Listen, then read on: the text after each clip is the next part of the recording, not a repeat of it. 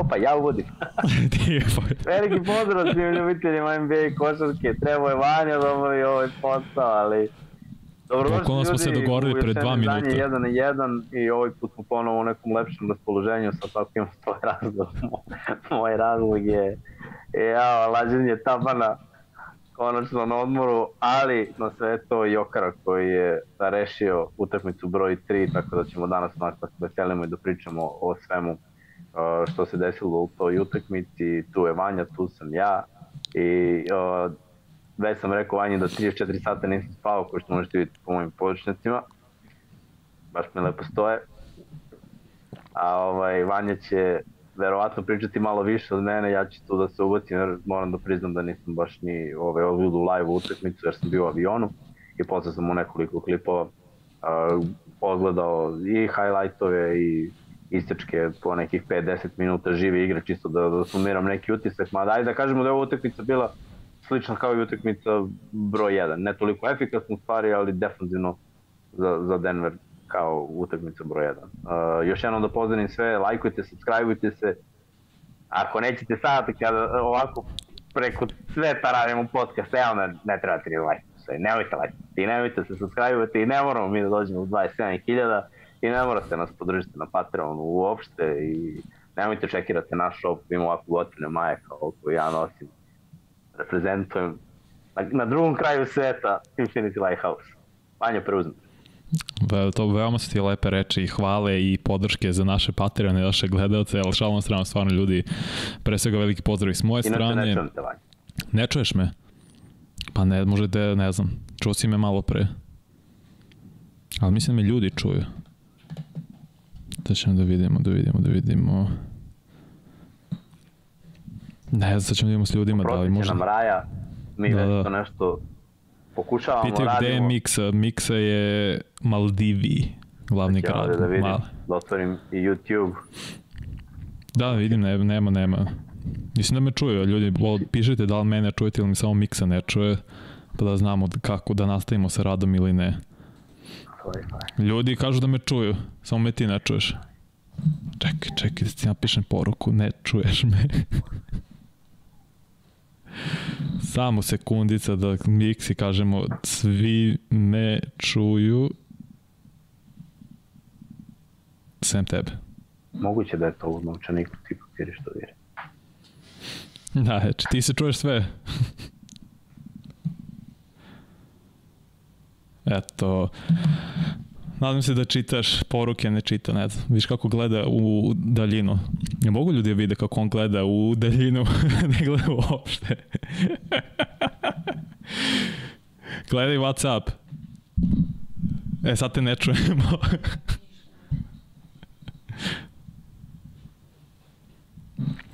Ništa, sad ćemo probati da ustanovimo neki uh, sistem rada, iako smo čuli miksu bukvalno pre pa 5 minuta pre nego što smo ušli u live-u, sve normalno, sa ne znam da li on nešto dodatno uh, pomerao, menjao uh, settings i podešavanje, pošto ga ništa ne čujemo, makar ga vidimo lepog i čitavog iz hotela i to je nešto, ali opet da se vratimo na ono dok on ne pronađe zvuk svoj. Stavio je mute. Aha, stavio je mute stavio si mute. Da, da, ne mogu da vidim na ovom, zato što preseca u ćošku ne mogu, ne mogu, ali stavio mute. No, dok Miksa nešto ne po... Jel će Miksa praviti neki vlog? Hoće, bravo, odlično pitanje, da što već krenuo da pravi vlog i poslo je baš i Reni nek, nekoliko videoklipova, tako da, da, pravi vlogovi iz Maldiva sa Maldiva, pardon, a vidjet ćemo da će vidjeti Whatsapp.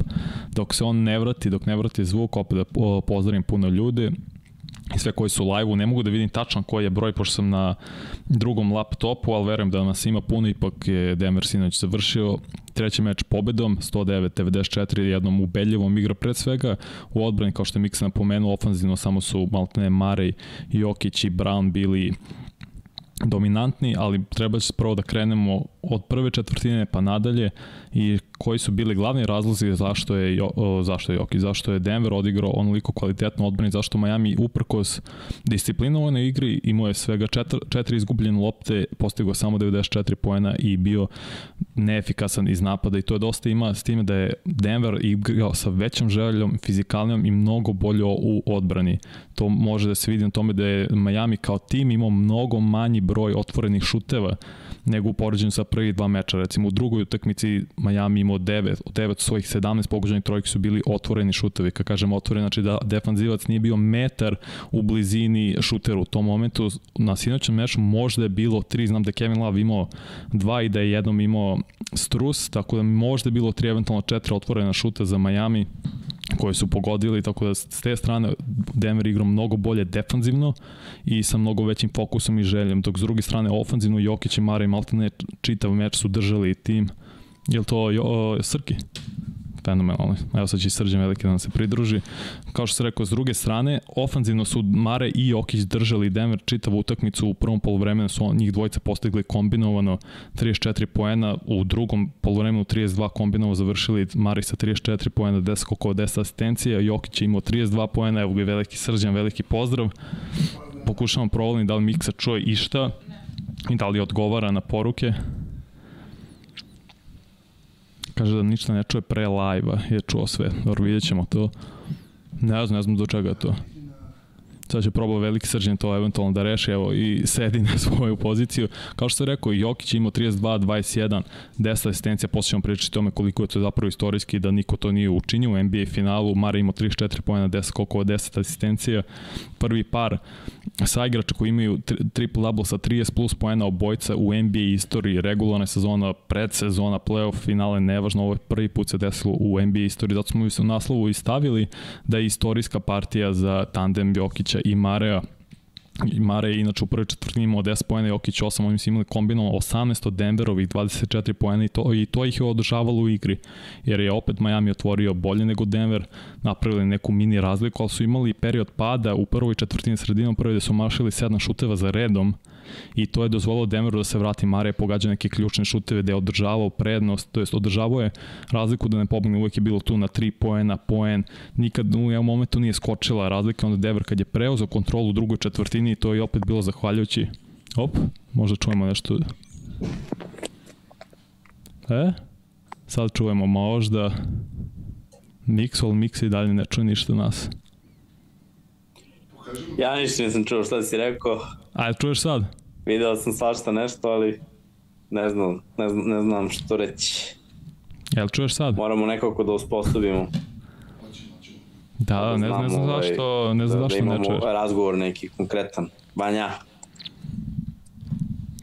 do tad ti si ovaj glavni.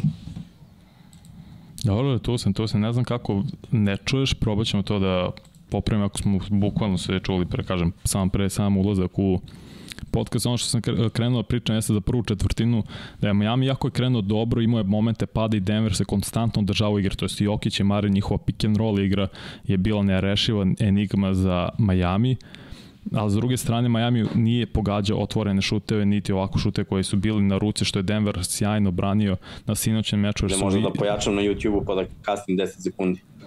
Pa možeš i to. Da, nema veze, bre, opuštam možda to neki, ne znam zašto. Ne, se konstantno. Da, sad čujem duplo sebe, da.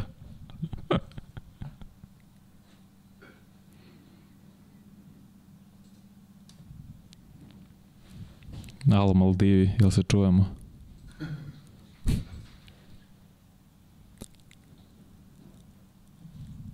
Mora neko uh, ru, uh, znakovima, rukama, on pokazam kad treba da priče, da, da, kao sad si ti na redu. Vidimo da će da, da reaguje.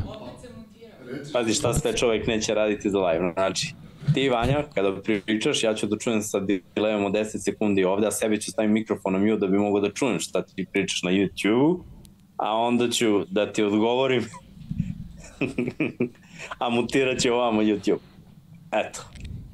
Tako da, ajde. Daj neko ajde. pitanje za mene.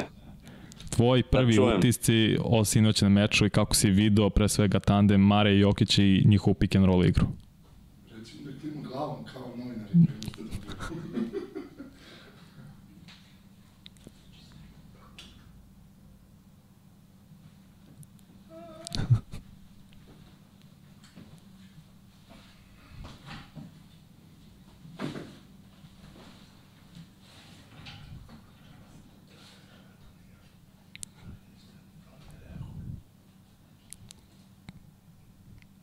Evo, stiže, sa, sa malim zakašnjenjem, ali stiže. Prvo, ta igra njihova 2 na 2, ceo ovaj playoff kida i, i deluje mi nezaustavljivo. I znaš šta, i, i u prošloj utakmici delovalo mi je da u nekim trenucima je Denver uspeo, zahvaljujući toj igri 2 na 2, da stvori prilike za druge igrače, ali oni nisu bili na visini zadatka. E sad, i Mare malo nije bio na visini zadatka koji iz prve utakmice, ali sada je pogađao. Pritom, šut nije bio neki za Denver, da se ne lažem. Znači, nisu oni parirali trojkaški Miami koji se ponovo raspao u šutu na drugoj strani i opet su podbacili ofanzivno. Ali Denver ofanzivno je uspeo da ima 20 skokova više, što nije mala stvar u košarci. Mislim da je više čak bilo od 20. I uh, uspeli su da izdominiraju u igri iz reketa. Jer nije samo Jokić pogađao na njegove šuteve koje sad već navikli smo da, da će da pogađa, već je pogađao i Jamal Murray, dosta tih nekih floatera, dosta je bilo proigravanja Zerika Gordona i Chris Brown je tu kao Miami kao Riri. Tako da ono, bilo je bilo je igrača koji su stvarno doprinuli. Iskreno, jedna od boljih partija Denvera, opet je bilo malo ispadanja, samo Miami nije kažnjavao te neke otvorene šuteve defanzivno, ali je bilo dobro zalaganje, postojala je ta tranzicija i eto kad Miami uh, ne odigra vrhunski, ofanzivno, onda postoji velika šansa za Denver da pa eto, spusti ih ispod 100 poena i oni samo treba da prebaci 100. Opet je bio moment da oni imaju više od 20 razlike, što je bilo i u prvoj utakmici, u drugoj su imali 15, nisu uspeli da pobede tu drugu, ali kada Denver igra svoju igru, kada igra dobro i ofanzivno i defanzivno, kada se hrane energijom iz odbrane i strpljivo igraju u napadu, Miami jednostavno ne može da im parira. Naravno, imaće oni vrhunske šuterske noći, kao što je bila tada, su imali skoro 50% za, za 3 poena, sad su pali 30 i ponovo je bilo mnogo promašaja i ponovo ti igrači koji nisu Jimmy Butler i Adebayo ne mogu da, da prebace 20 poena, što više kad se svi skupe zajedno od ovih važnih, da kažemo, Struz, Martin, Vincent, Robinson, oni zajedno imaju oko 30 pojena, što, što je smešno. 30-40 pojena, nije, nije to dovoljno da, da se pobedi ovako raspoložen Denver. Dva igrača da imaju triple-double, to, to je stvarno redkost i ta igra, prelepa igra, pick, pick up, pick and roll, pick and pop, sve što rade Jamal Mare i Jokić predstavlja velike probleme, pa čak i kada je Butler preuzeo Jamala Mare. Nisam baš to očekivao da, da će toliko glatko i lako ići, ali iskreno da budem drago mi je i očekujem tu sledeću utakmicu, nju ću moći da gledam, pošto ovaj, to ovde bude baš rano ujutru, pa eto, tamo uz kaficu, pred plažu, da, da, da ispratim Jokaru i, i nadam se da će da bude 3 E, pa dobro, ti si spomenuo zapravo i prvo, prvo stvar koju si spomenuo jeste razlika u skokovima. Denver ima 58 skokova, Miami samo 33 skoka i ta dominacija i ta razlika je prevelika za bilo koji tim. Miami mora da igra protiv Denvera, makar skoro savršeno svaku partiju da bi imao šansu da pobedi, kao što je odigrao e, drugu utakmicu gde je šutno skoro 50% i za 3 i za 2 i onda je opet jedva pobedio na kraju omašenim šutem Mareja za potencijalni produžetak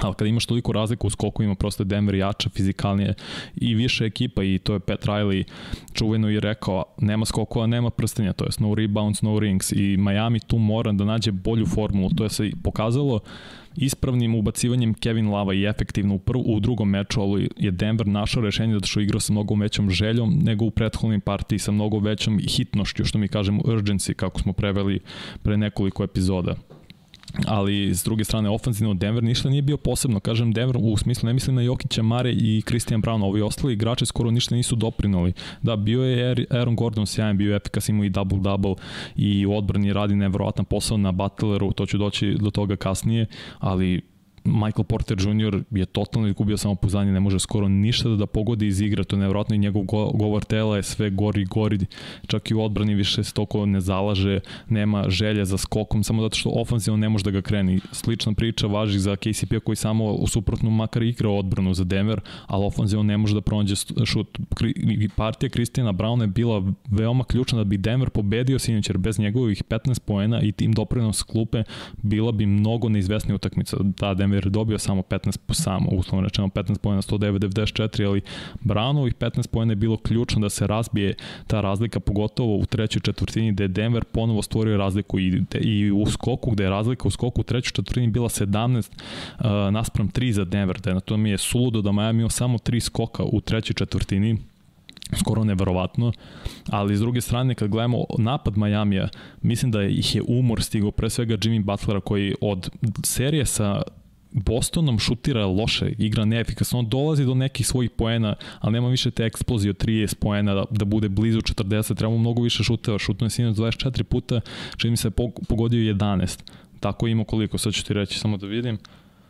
28 poena i 24 šuta, to je previše uz tih šuteva, 11 od 24 iz igra, da to je skoro 50%, ali to je neefikasno za njegove standarde. Bema Debajo ista priča, 7 od 21 šut iz igre, za 22 poena, to je previše uzetih šuteva i moram pohvalimo i to izuzetno cenim i želim. Jokićeva odbrana na Debaju na 14 šuteva na koje je Jokić bio i bio uh, primarni defanzinac od tih 14, a Debaja omašio 10.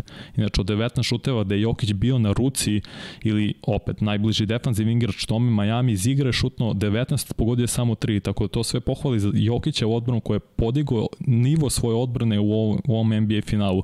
Sad ne znam za ove ostale igrače Miami šta je ključno i šta ti misliš kako oni mogu da se da doprinesu prosto više. Da li možda treba sada da se ubaci hero, makar se razbije rotacija kompletno jer nemaju šta da izgube?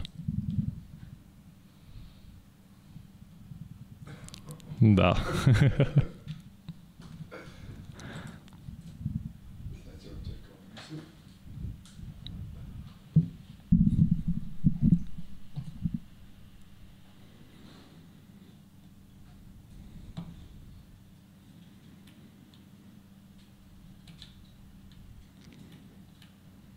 Pazi. Da. Mm, da, pa da, to je taj, taj delay sad. Ovaj, meni deluje da mora nešto, ali opet, pazi, seti se prve utakmice i opet veliki broj promašenih šuteva i sad kad uđem na statistiku ja ponovo vidim istu priču, znači ponovo vidim Strusa koji nije u dobrom šuterskom ritmu, ponovo vidim uh, da kažemo Strus, Martin, Robinson da nemaju one procente koji su imali i onda tako kad pogledaš da, možda Hero, možda Lav. Svi su igrali dobro. I Laur je u drugoj utakmici pogađao i Lav je pogodio i Strus je pogađao i Robinson i Vincent i Martin. Svi su pogađali. I, i onda ti deluje, ok, eto, rešili su. Znači, Miami će da živi od toga da trojke idu, kad trojke ne idu, oni moraju da šutiraju mnogo za dva poena. Ko će da preuzme odgovornost za dva poena? Jimmy i Adebayo. I baš to što si rekao, ko je u prvoj utakmici šutirao mnogo Adebayo. Šutno je koji ima 26 pojena, šutno 25 puta. Sada su obojica malo dodali gasa šutevima, opuzili previše možda, ali znaš šta, kako da ne uzmeš kad pogađaš, mislim mora da se održiš tu negde, da, da održiš razlike, ako samo izbacuješ za trojku, a ovi ne mogu pogode ništa, mislim na kraju će bude blowout od 30 razlike u prvoj utakmici na domaćem terenu. Ne, ne možeš ni to da radiš. Tako da ono, živiš koliko puta u ovoj utakmici je bilo da Jokić ima šut za 3, a on napravi fintu šuta, sačeka da Adebayo skoči ili da malo priđe, pa napadne unutra ili će da podeli pas ili će da, da šutne za dva poena, jer razmišlja da ono, sigurno dva poena sigurnije ne, nego da šutiraš trojku. A ja mi kada ne pogađa, oni ne pogađaju i, i to je ono, za njih rak rana. Zato kad pogađaju, iskreno, možda su čak i najbolja u ovom celom play-offu, računajući ekipe koji su ispale i Boston i Golden State, najbolja šuterska ekipa, jer imaju mnogo igrača koji mogu da pogode spolje.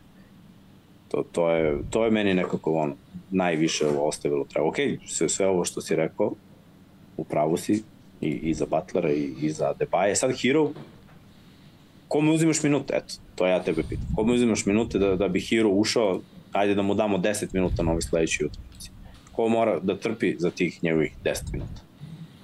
Pa znaš kako, iskreno mora da trpi Strus, mora malo da trpi Duncan Robinson, mora malo da trpi i Kele Martin. Prosto je tako, ne, moraš da razbiješ rotaciju jer nemaš drugačije rešenje. Ti ofanzivno moraš da pariraš Denveru jer defanzivno ne možeš da ih zaustaviš on, Denver je iz, u prvoj četvrtini pogodio samo dva šuta iz reketa, znači van reketa, pogodio je tek prvu trojku u drugom četvrtini i bilo je nerešeno. Zašto? Zato što su u reketu uništili. Bilo, čini se da su iz reketa šutnuli 10 od 12 u prvoj četvrtini, a van reketa 2 od 11 i uprkos tome Denver je bio u meču sve vreme, zahvaljujući Mariju i Jokiću koji pick and rollom razbijaju čitav koncept odbrane Majamija. To je bilo očigledno tokom čitavog sinoćeg meča, jer opet, ono što sam rekao na početku, odlično su raspodelili poene, kombinovano su imali u prvom polovremenu 34 poena, u drugom 32. Mari ima 20 u prvoj, uh, prvom polovremenu, 14 u drugom polovremenu, Jokić je malte ne obrnuo 14 u prvom, 18 u drugom polovremenu i to je to, nemaju rešenje za tu igru, jer ne, nemaju Uh, odgovor s druge strane, ako njih ne krene šut za 3, Butler, ja mislim da se prosto čovjek izduvao fizički, da nema snage i da igra odbranu na Mareju, što je radio u drugom meču, što je bilo e, e, efikasno i dosta pomoglo Majamiju i da igra konstantno efikasno u napadu jer ga čuva mnogo veći igrač i to sve pohvala Aaron Gordonu koji radi sjajan posao na Jimmy Butleru. Možda nije ofanzivno stalno tu, daje svojih 12-14 poena, ali ono što radi u odbrani, to je sve zahvaljujući njemu zašto Butler šutira loše iz igre. Imao je period Butler u prvoj četvrtini da je vezu tri koša za redom kad ga nije čuvao Gordon i kad je razbio taj loš niz Miami od sedam e, omašenih šuteva.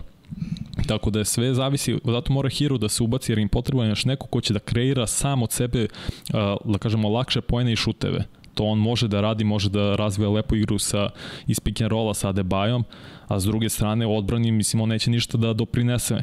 Samo će biti još jedna uh, tačka koju može Denver da iskoristi i da napadne. Kao što sam rekao, Miami mora ofanzivno da isprati Denver, a ne defanzivno. U tome je suština i mislim da, to, da će to biti ključ za ove ostale utakmice koliko god da ih bude. Mislim da će Denver, kao što sam rekao, biti u pet utakmica, ali ofanzivno Miami mora da pokuša da ih isprati.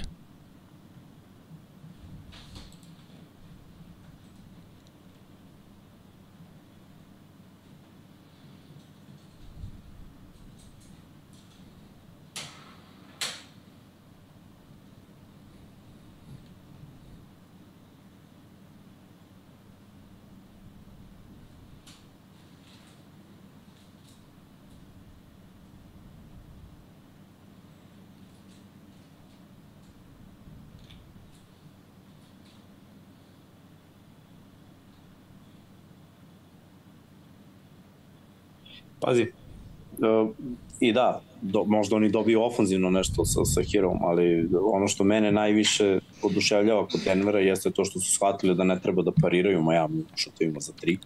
Znači oni su šutnuli duplo manje.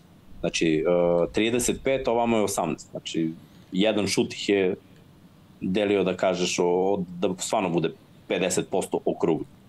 Ali poeni iz reketa 60 naspram 34. Brate, i to je skoro duplo. I onda uđe Tyler Hero, koji je sitan. I to treba koristiti. To je mismatch za Denver. Još jedan mismatch, jer na ovaj način da se za igra odbrana, da se izlazi na svaki šut, da se podigne ruka. Priča Jokić o, o tome isto uh, u intervju pre utakmice, da mu je čudno, zato što su mnogi zamerili na tome da nema kao dovoljno energije, da, da nema dovoljno zalaganja u toj utakmici broj 2, ali oni su kao stvarno hteli možda, eto, malo, malo je pala koncentracija, malo su bili pogubljeni u nekim momentima, ali u ovoj utakmici je to bilo drugačije. I onda kada dovoljno je neka čoveku bre da digneš ruku i, i da budeš blizu i da on nema toliko sigurnost u šutu za tri poena. I onda kad promaši jedan, promaši drugi, uvuče se nesigurnost, a sad zamisli i da pogodiš nešto i onda ne možeš ništa da odbraniš i koliko je puta Jokić izmaltretirao u duelu Vincenta, koliko puta Gordon izmaltretirao Vincenta, to sve isto uh, može da se desi, ili Martina, to sve isto može da se desi kada bude ušao Hero. Znači oni defanzivno onda ne mogu da I Hero ne može da ubaci 10-15 pojena, nego mora da ubaci 20 da, da bi bila neka razlika. Jer ova utakmica je ispala blowout 109-94 čovjek. Da, da ih opet svedeš na, na, na 94 pojena ispod 100 pritom kad pogledaš četvrtine 24, 24, 20, 26.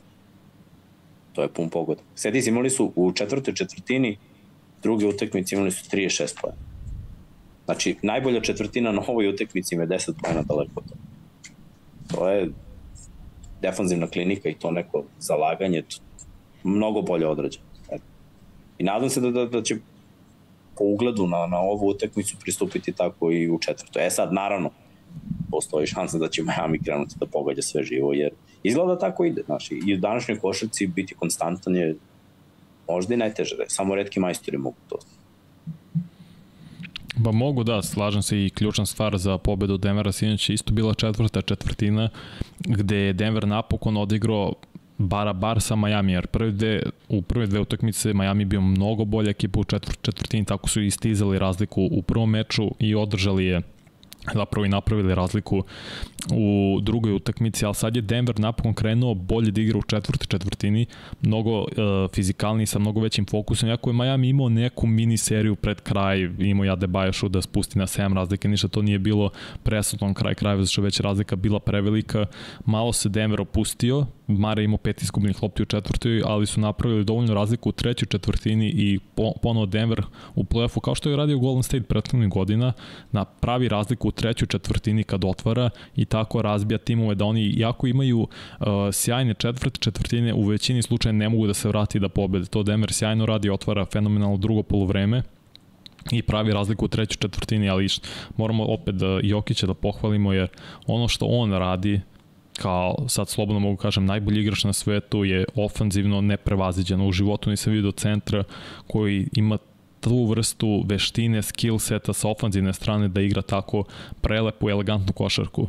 I njegove kretnje i rad nogu mu je na jednom vrlo visokom nivou, ima dosta osjećaja kada izbacuje loptu, mislim čovjek samo iz dana u dan postiže nešto što niko nije učinio u NBA istoriji, to je suludo, to su brojke kao Wilt Chamberlain, malte ne, prvi igrač sa, u, u NBA finalu da ima 30 plus poena, 20 plus kokova, 10 plus asistencije, imao je tri takve utakmice, utakmice u čitom playoffu, ostatak NBA imao samo dve, to su bili i Karim, ne znam, 10 i triple double u playoffu, to niko nije imao do sada u NBA istoriji. Ima raznih i raznih brojki, možda će da predvodi čitav playoff po broju asistencija, poena i skokova, što niko nikad nije uradio. Stvarno Jokić igra na toliko visokom nivou i plus ono što mi je najviše impresivno kod njega jeste njegova kondicija.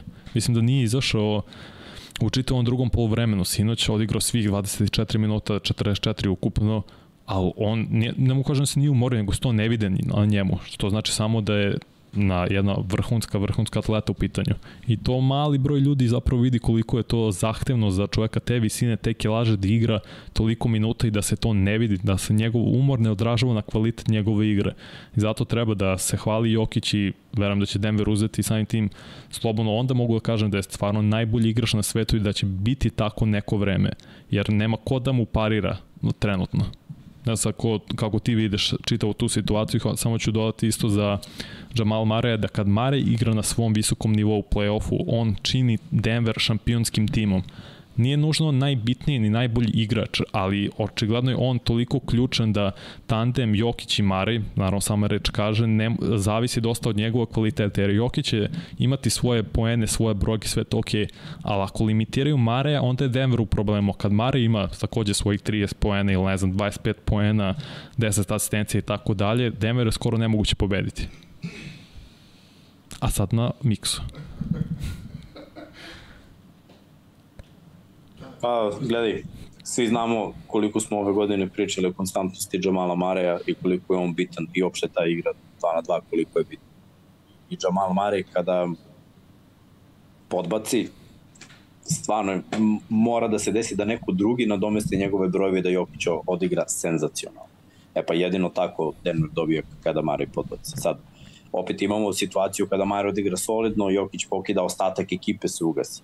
I ono što je meni baš važno za, za Denver jeste da svi moraju da se uključe. I tu je stvari veličina Jokića, jer on ofanzivno može da, da strpa pojena koliko god hoće, ali on konstantno priča o tome. Kogod ga intervjuisa, kogod da ga je pitao bilo šta, njegov odgovor je uvek, uh, pitali su ga poslednji put visoki IQ, otkud to, uh, kako tako dobro asistiraš, uh, kako uključuješ sa igrače, kako čitaš igru tako. Znači, strpi što je strpljiv, igra polako i uvek bira bolju opciju. Ima instinkt, čeka i ja sam želeo da igraju protiv Miami u finalu. I to smo pričali još od momenta kada je Miami poveo 3-0, bio se zonu samo da Miami dobije jer ne može Bama Debajo da ga čuva, ne može Miami da napravi nikako da skupi šta god da pomažu, ne mogu ništa da urade Jokiću. Jokić u celoj ovoj seriji imati svoje brojeve, uh, verovatno će biti tu blizu triple-dubla, pričali smo prošle nedelje, imao samo četiri asistencije, jer mislim, da bi on imao asistenciju, neko mora da pogodi. Znači, on kad izbaci pas i kad je neko sam,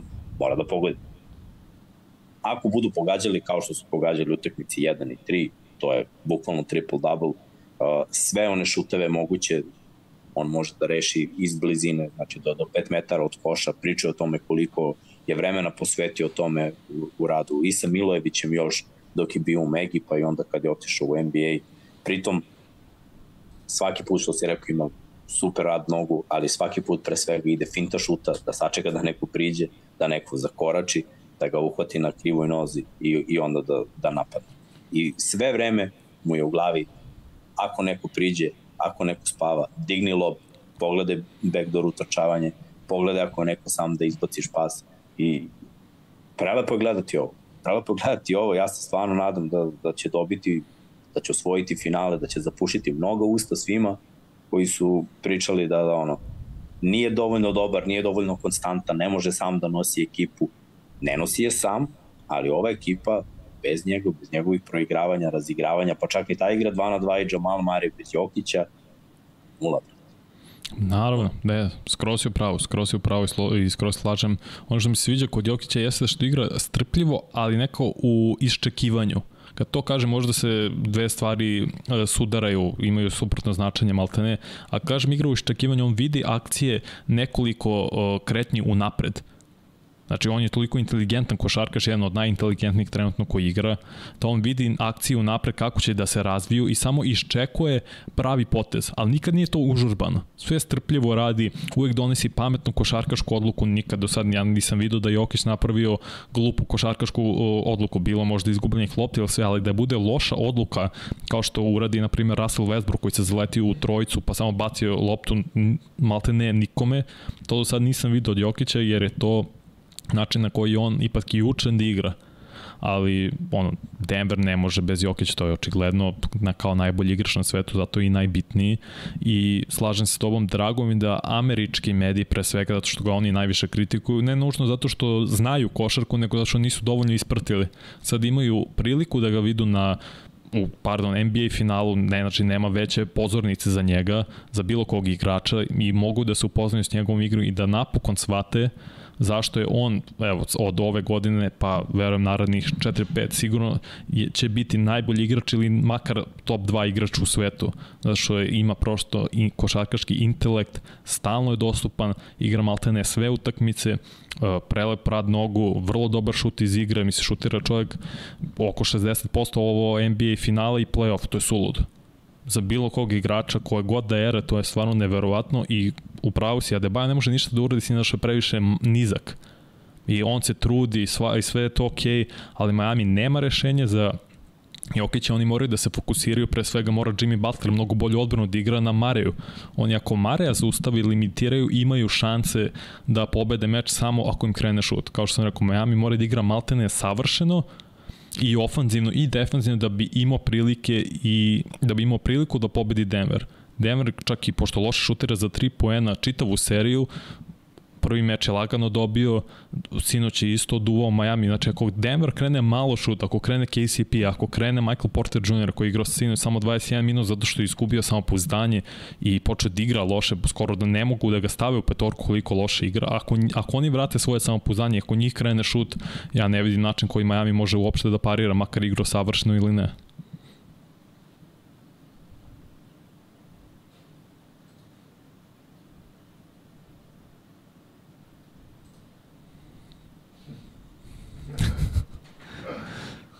Evo ga, evo ga, vraća se.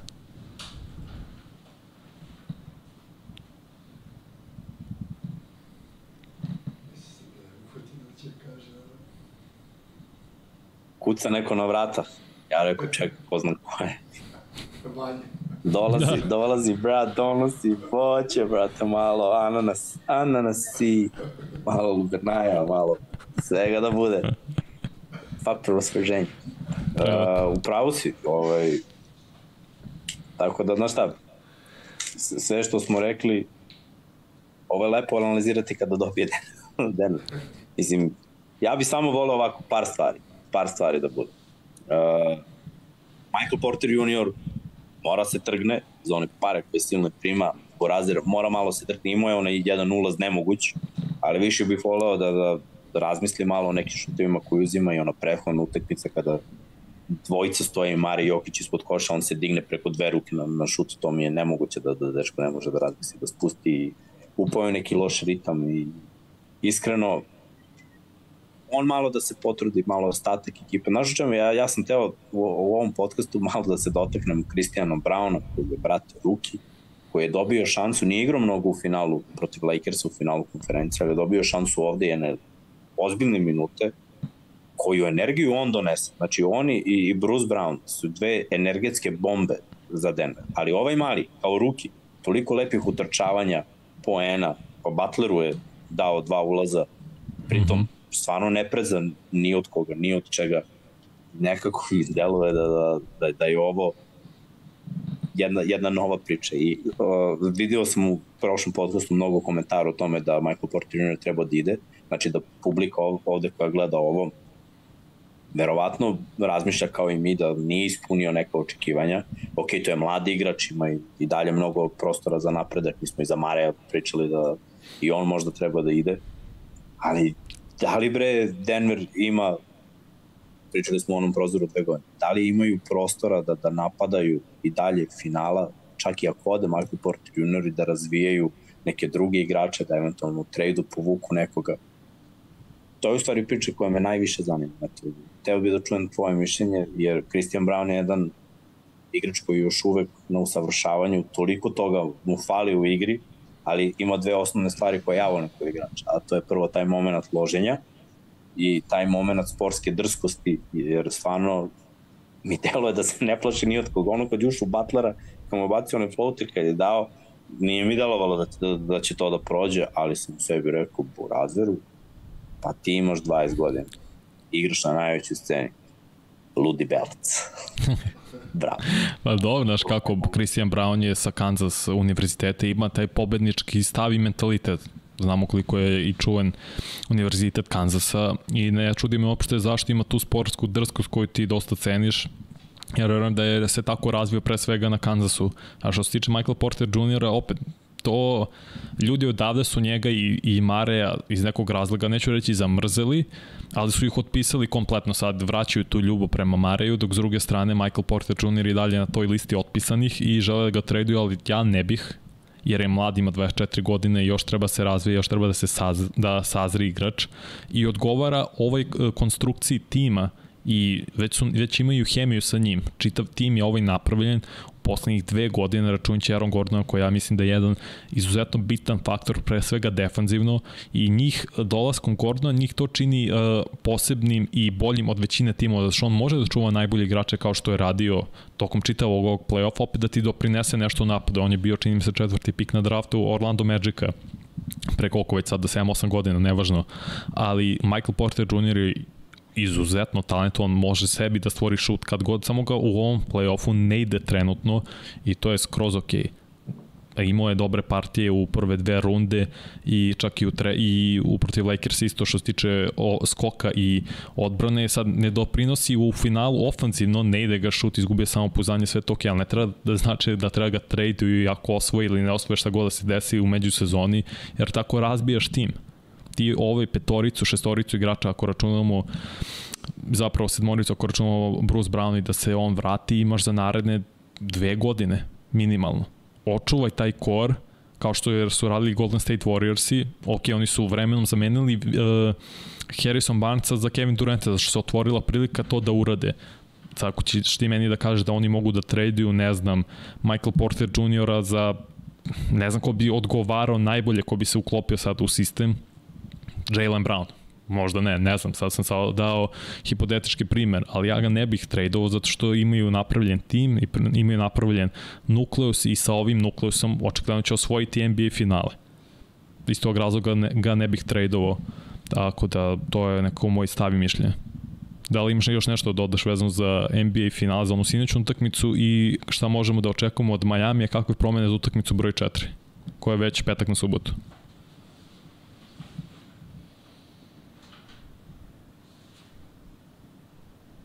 Da li sam uvatio kad si prestao da pričaš, a da nije 20 Skoro. sekundi pauze? Ovaj, pazi, ne znam, ja, ja ga ne bi menjao još, dao bi mu još malo vremena, jer ipak ta konstantnost dolazi samo kod velikih igrača. I on je očigledno neko ko živi od dobrog ritma kada pogodi šut 2, dobar je kad ih promaši nije.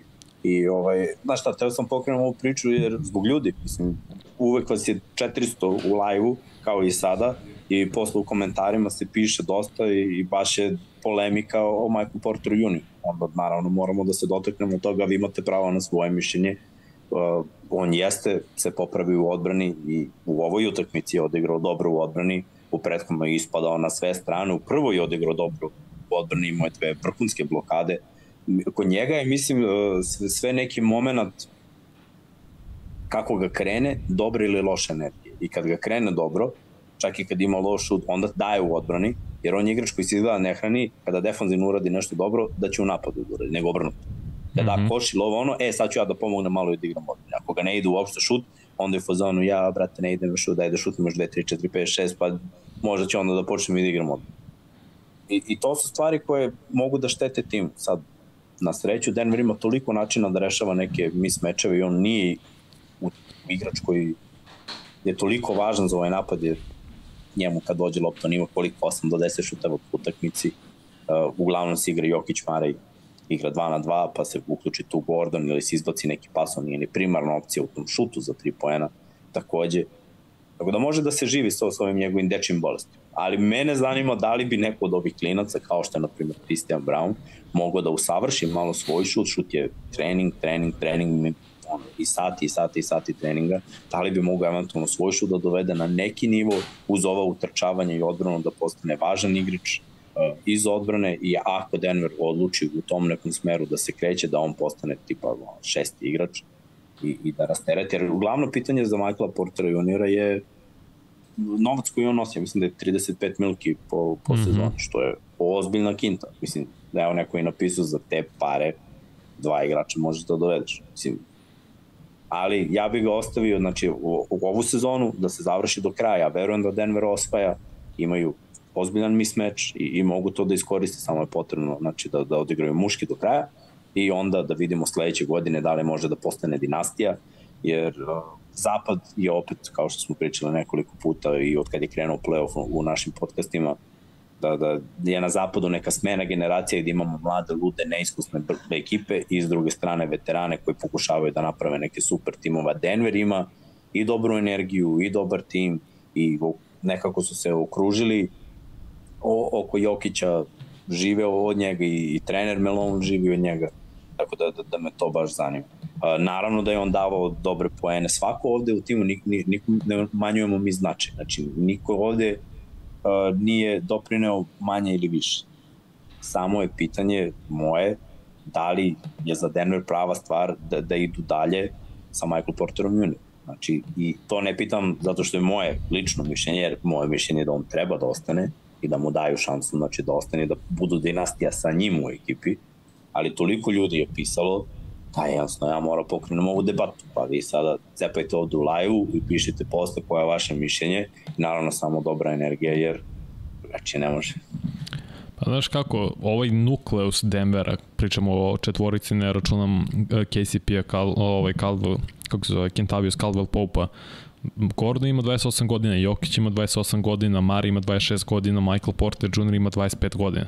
To su sve izuzetno i dalje mladi igrači, ok, i Gordon i Jokić ulaze u svoje, nazovi, najbolje košarkaške godine, svoj prime, sve to ok, i bit će u prime u narednih 4-5 godina ali Marej ni, pogotovo Porter Jr. još nisu blizu toga i zato treba da zadržiš ovaj nukleus kakav već jeste, jer imaš tu uh, mogućnost da zadržiš minimalno ovu četvoricu, čini mi se još tri godine, još tri sezone ili dve i ako Gordon odluči onu tamo treću godinu.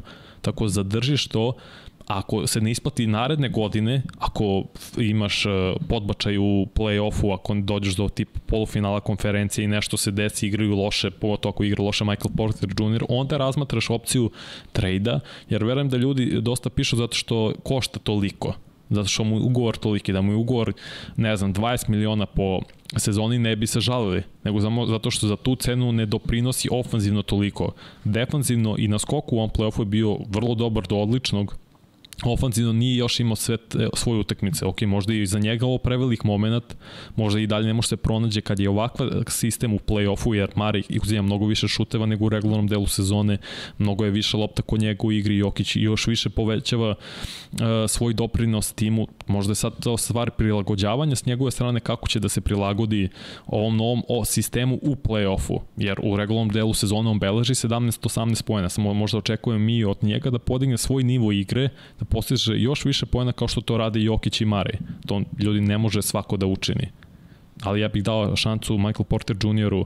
i sledeću godinu da imamo kako će da se razvije njegova igra, da li može ovu odbranu i želju na skoku da prenese tokom čitavog regularnog dela sezone, da tu poboljša brojke, da ono što je meni naj, najviše smete i što je kriminalno što ima po jednu, dve asistencije po meču, to mora nekako da se promeni on mora taj aspekt igre da razvije, ako je naravno mogućnosti, ako može Ingram da ima 4, 5, 6 asistencija, može, ne, ne mogu kažem da može i Porter ima 6, a možda da ima 3 možda da dođe do četiri asistencije, jer opet drugačije su okolnosti da Ingram je maltene ključni faktor u Pelikancima i često je lopta kod, njegu, kod njega u ruci pa može da razvije igru. Ovde pričamo o igraču koji treba bude treća opcija u nekom timu.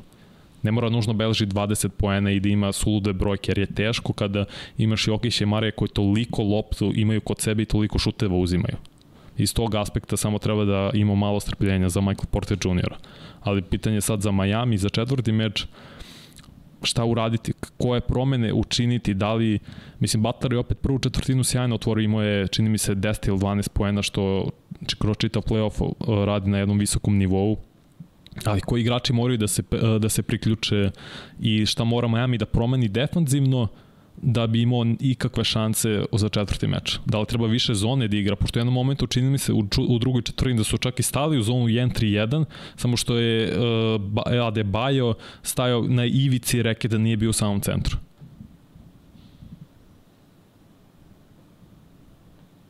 Pa pazi, i oni su ovaj, kao tim otvorili dobru prvu četvrtinu,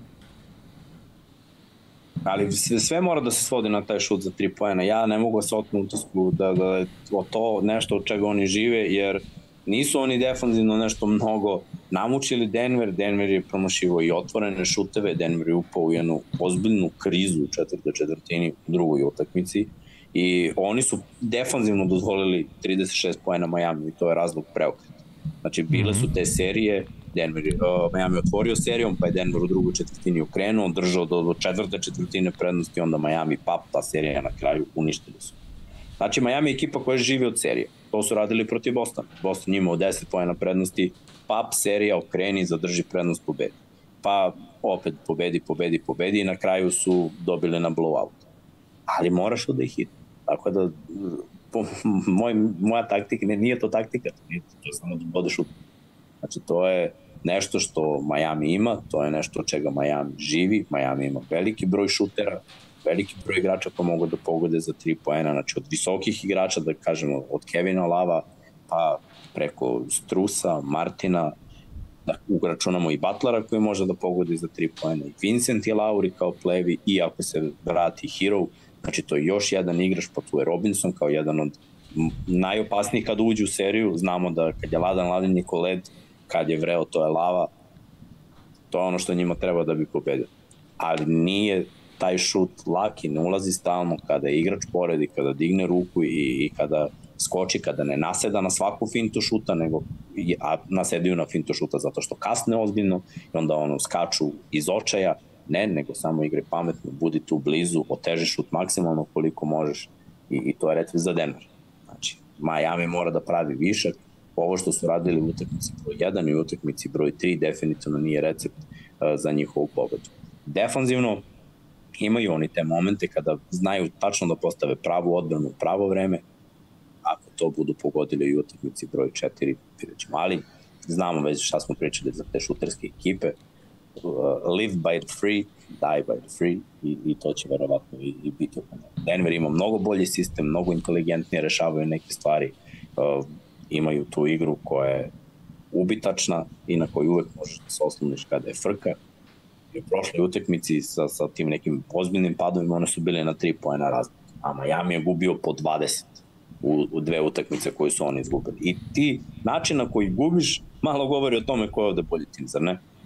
Ma naravno, Denver je poprilično bolji tim od Miami, to, to nema šta, samo tražim razloge, neku formulu za Miami eventualno da parira do nekla Denveru i mislim da je to da igraju što više zonu, iako oni igraju zonu najviše u ovom playoffu, znači malte sve ekipe kombinovano ne igraju toliko zonu kao što Miami Heat igra, ali mislim da moraju da igraju još više i još većim procentima i verujem da će od sledeće godine više timova početi da primenjuju zonski stil odbrane, nego čovjek na, na, nego čovjek na čovjeka i preuzimanja konstanta. Mislim da Miami, zato što nemaju rešenja u, pre svega u igri pick and rolla Denvera, Jokić i Mari moraju stalno da stoje u zoni, a ofanzivno mora neko još da preuzme odgovornost. Zato mislim da mora Hiro da se vrati, jer može sam da stvara svoje neke koševe.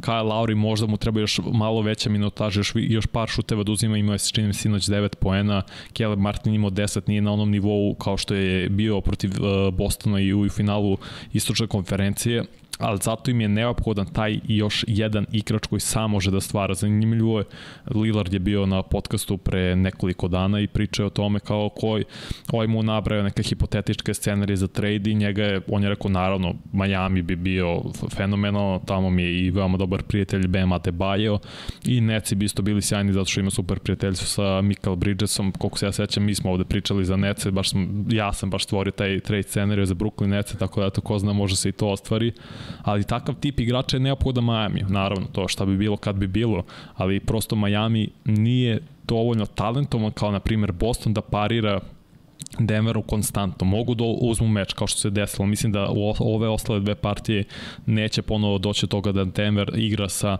manjkom energije, manjkom želje, jer su videli šta to znači u drugoj utakmici, kad ne igraju na svom nivou i kad ne igraju disciplinu o košarku. Sinoć nije bilo ispadanje u odbrani, možda par puta samo ali svaki šut je malte ne bio preko ruke, nisu imali Miami Heat otvorene šuteve kao što su imali prvi u drugoj utakmici, u prvi su mašili, u drugoj pogađali, sinoć nije bilo otvorenih šuteva i u tome je razlika. Kad Denver igra timsku disciplinu košarku u Miami, ne može da ih pobedi.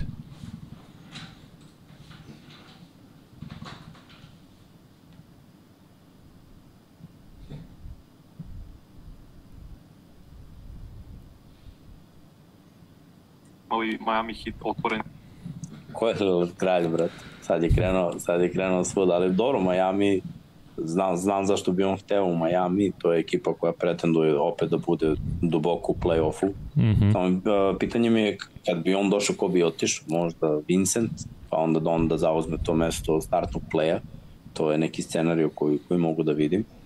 Uh, Nece si pomenuo takođe, Bi, biće to zanimljivo. Mislim, i, o, i ovaj off-season, zapravo kada prođe draft i sve, Biće jako zanimljivo, mi ćemo sve to ispratiti i vidjet ćemo koji je, koji je pravi recept. A Miami, znaš šta, ne sme da razmišlja sad o tome šta bi bilo, oni moraju da se ograniče i, i da se fokusiraju na svoju slačonicu. To je najgore kada ti neko baca šta će bude sledeće sezone, nude se igrači i sve to, a ti Borazeru imaš ekipu već u, u koja mora da grize za dve noći. Znači, nema tu razmišljanje uopšte o Lillardu mora da se isključi to, to su stvari koje dekoncentrišu malo, upijaju uh, neki moment koji, koji ekipa ima, neki zalet koji ekipa ima, jer ako Miami izgubi ovu sledeću utakmicu i sa 1-3 odu u Denver na završnicu, a Denver izgubio jednu tekmu u ovom play-offu, već možemo da se spremimo za slavlje i da radimo samo dve epizode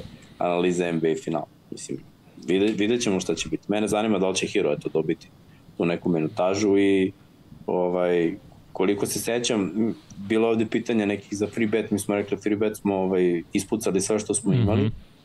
ali ovaj, Vanja je rekao da će možda smisliti neko pitanje da vam baci ovako, a s obzirom da, da je i mala vremenska razlika, ja bi se i, i odjavljivao ljudi, ali ne brinite, odgovarat ću na sva pitanja koja budete postavili u klipu kao što to uvek radim i drago mi je da imamo ovako dobru komunikaciju, dobru energiju i da smo se svi primili kao što je bilo ono pre 20 godina kada smo pratili Sacramento i kada smo se nervirali u pola noći tada što što Lakersi dobiše, evo sada smo se malo nervirali, ali nadam se da ćemo na kraju da, da slavimo i eto jedan naš starter, vrhunski igrač reprezentativa da, da će podići taj pehar i zapušiti usta celom svetu.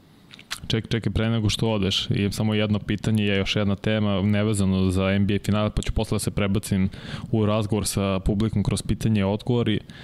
Chris Paul, mislim da će do petka izvanično biti katovan od strane Phoenix Sunsa. Imali su svoje neke razgovore, ko zna, može se desi čudo i da ostane u Phoenixu.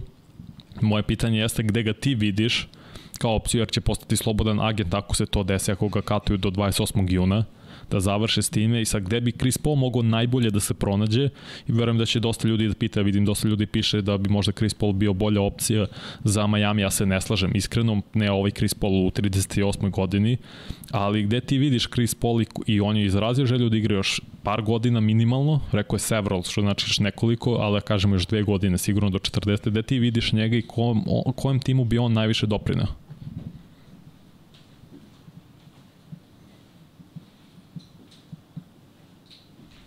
Pazi, ja nisam toliko imao neke teorije. Dok ti nisi krenuo da pričaš, znači bacio si mi teoriju u glavu, subtilno, mm -hmm. za Boston. Da oni igraju tako jer nemaju klasičnog pleja, da previše Tatum drvi loptu, da ovo da on.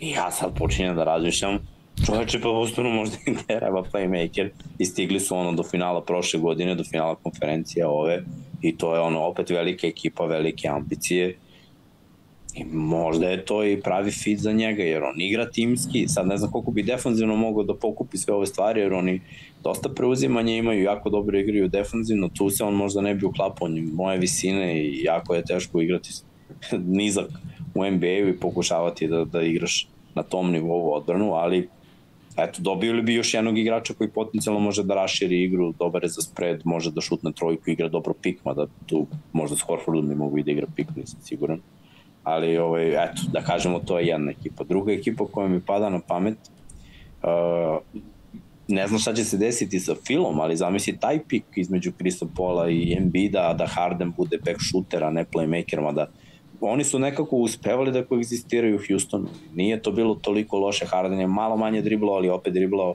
Chris Paul imao dobar učinak, a sada bi on odmorio malo jer bi bio u senci ove dvojci i Embiida i Hardena.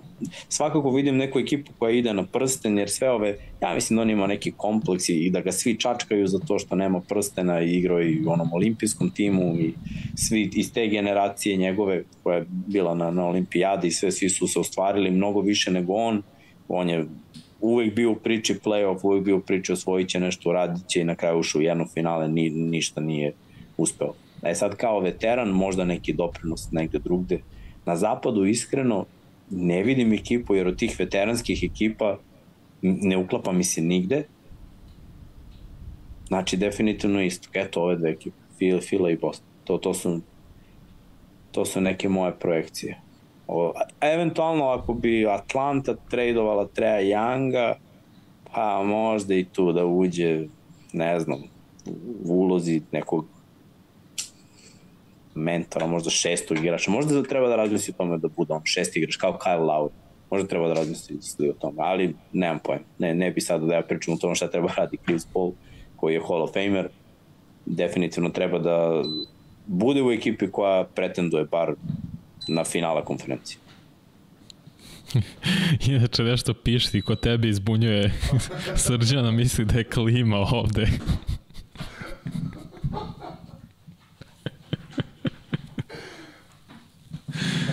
Ja, hit, hit. Uh, daj neke odjavne reči sa Maldiva za našu publiku, pa da se posvetimo onda, da se ja makar posvetim onda pitanjima i odgovorima, da bi mogo malo da odmoriš, ipak nisi spavao maltene dan i po, da budeš svež, da sutra možeš lepo da se isplivaš i, po, i vidiš što više prirode tamo i svega, pa onda u subotu kad se ponovo budemo družili nakon je, to ti, da ti priča, da ti priča.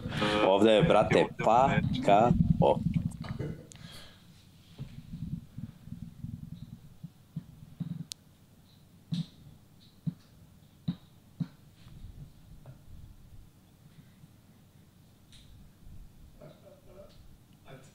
Sad će, sad će.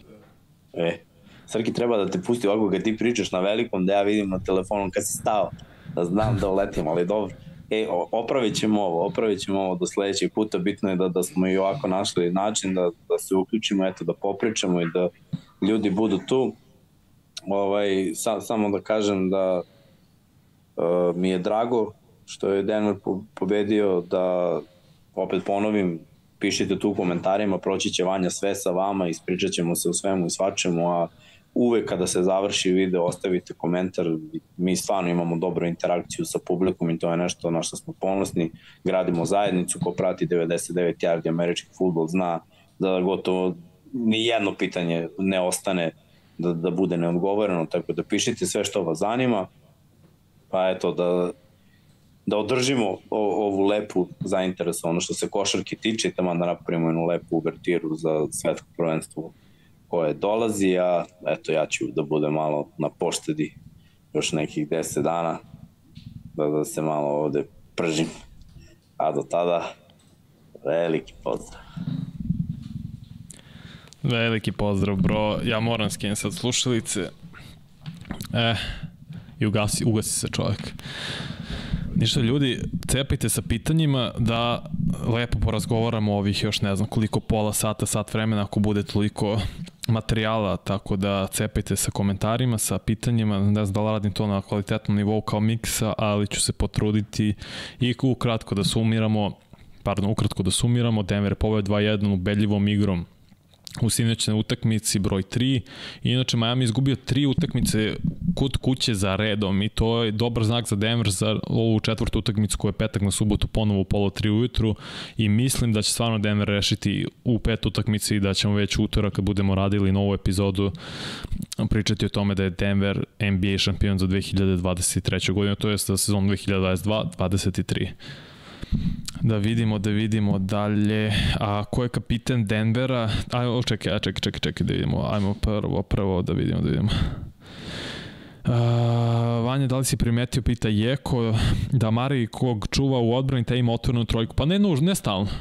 Nije to stvarno, mislim da to bio baš očigledan slučaj u drugoj utakmici vezano za sve igrače ali mislim da se Mari trudi više u odbrani. Bilo je par navrata je on čuvao Batara i uspo čak i da sačao, naravno bilo i više puta da je Batar prosto iskoristio svoju fizičku snagu i došao do obruča, ali ne veram da nisam primetio iskreno, obratit ću možda još detaljnije pažnjom sledeći put koliko je zapravo i zapisat ću koliko je za, e, bilo otvorenih šuteva koje je dopustio Mari, to je njegov čovek kad je imao i opet definicija otvorenog šuta u NBA jeste kad čovek ima metar uh, razdaljinu između odbranog i postoji metar razdaljinu između odbranog odbrobenog igrača i ovog što šutira ili čak i možda i metar 80, ne znam da li je 6 feet ili 5 foot, tako da nisam, nisam to primetio. Koliko je karata do Maldiva, ne znam koliko je karata do Maldiva, to moramo... Na? Nemo veze, sve okej, okay, sve okej. Okay. Šta se radi, to je, to je, to je od sluška. Koliko, opa, opa, pobeže mi sad ovo, pomaže mi samo sekund. Uh, uh, ajmo polako, koliko Miami može u četvrtoj tekmi. Pa to su sad komentarisali, sve zavisi po meni kako će postaviti, kako će defanzivno da se postave, jer mislim da moraju skoro čitav meč da igraju zonsku odbranu, da bi nekako neutralisali i limitirali pick and roll igru Mare i Jokića.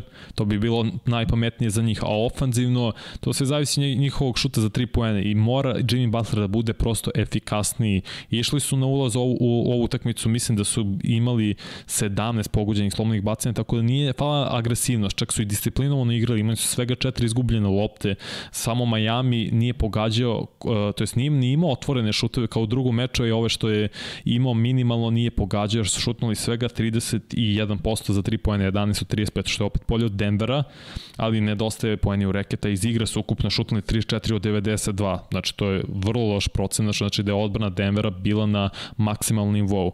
Opet, ne zavisi od Majamija. Miami mora ofanzivno ofenzivno da isparira nekako Denveru i zato bi tu, verujem, pomogao Hero i njegovo stvaranje poena. Da vidimo dalje, da vidimo dalje. Ko je kapitan Denvera? Iskreno ne znam. Uh, prvo popravi kosu od slušalic, ne mogu, nema sve, sve ok, ali ne znam ko je kapitan zapravo Denvera, to je odlično pitanje jer to nije toliko uh, striktno definisano kao u NFL-u, na primjer. U NFL-u znamo i stoji sve ono veliko C, nekad je zlatno, nekad nije na dresovima i znamo ko su kapitani, neko ko je važnije. U košarci nije, ne stavlja se toliki, tolika važnost na poziciju ili ulogu samo kapitena.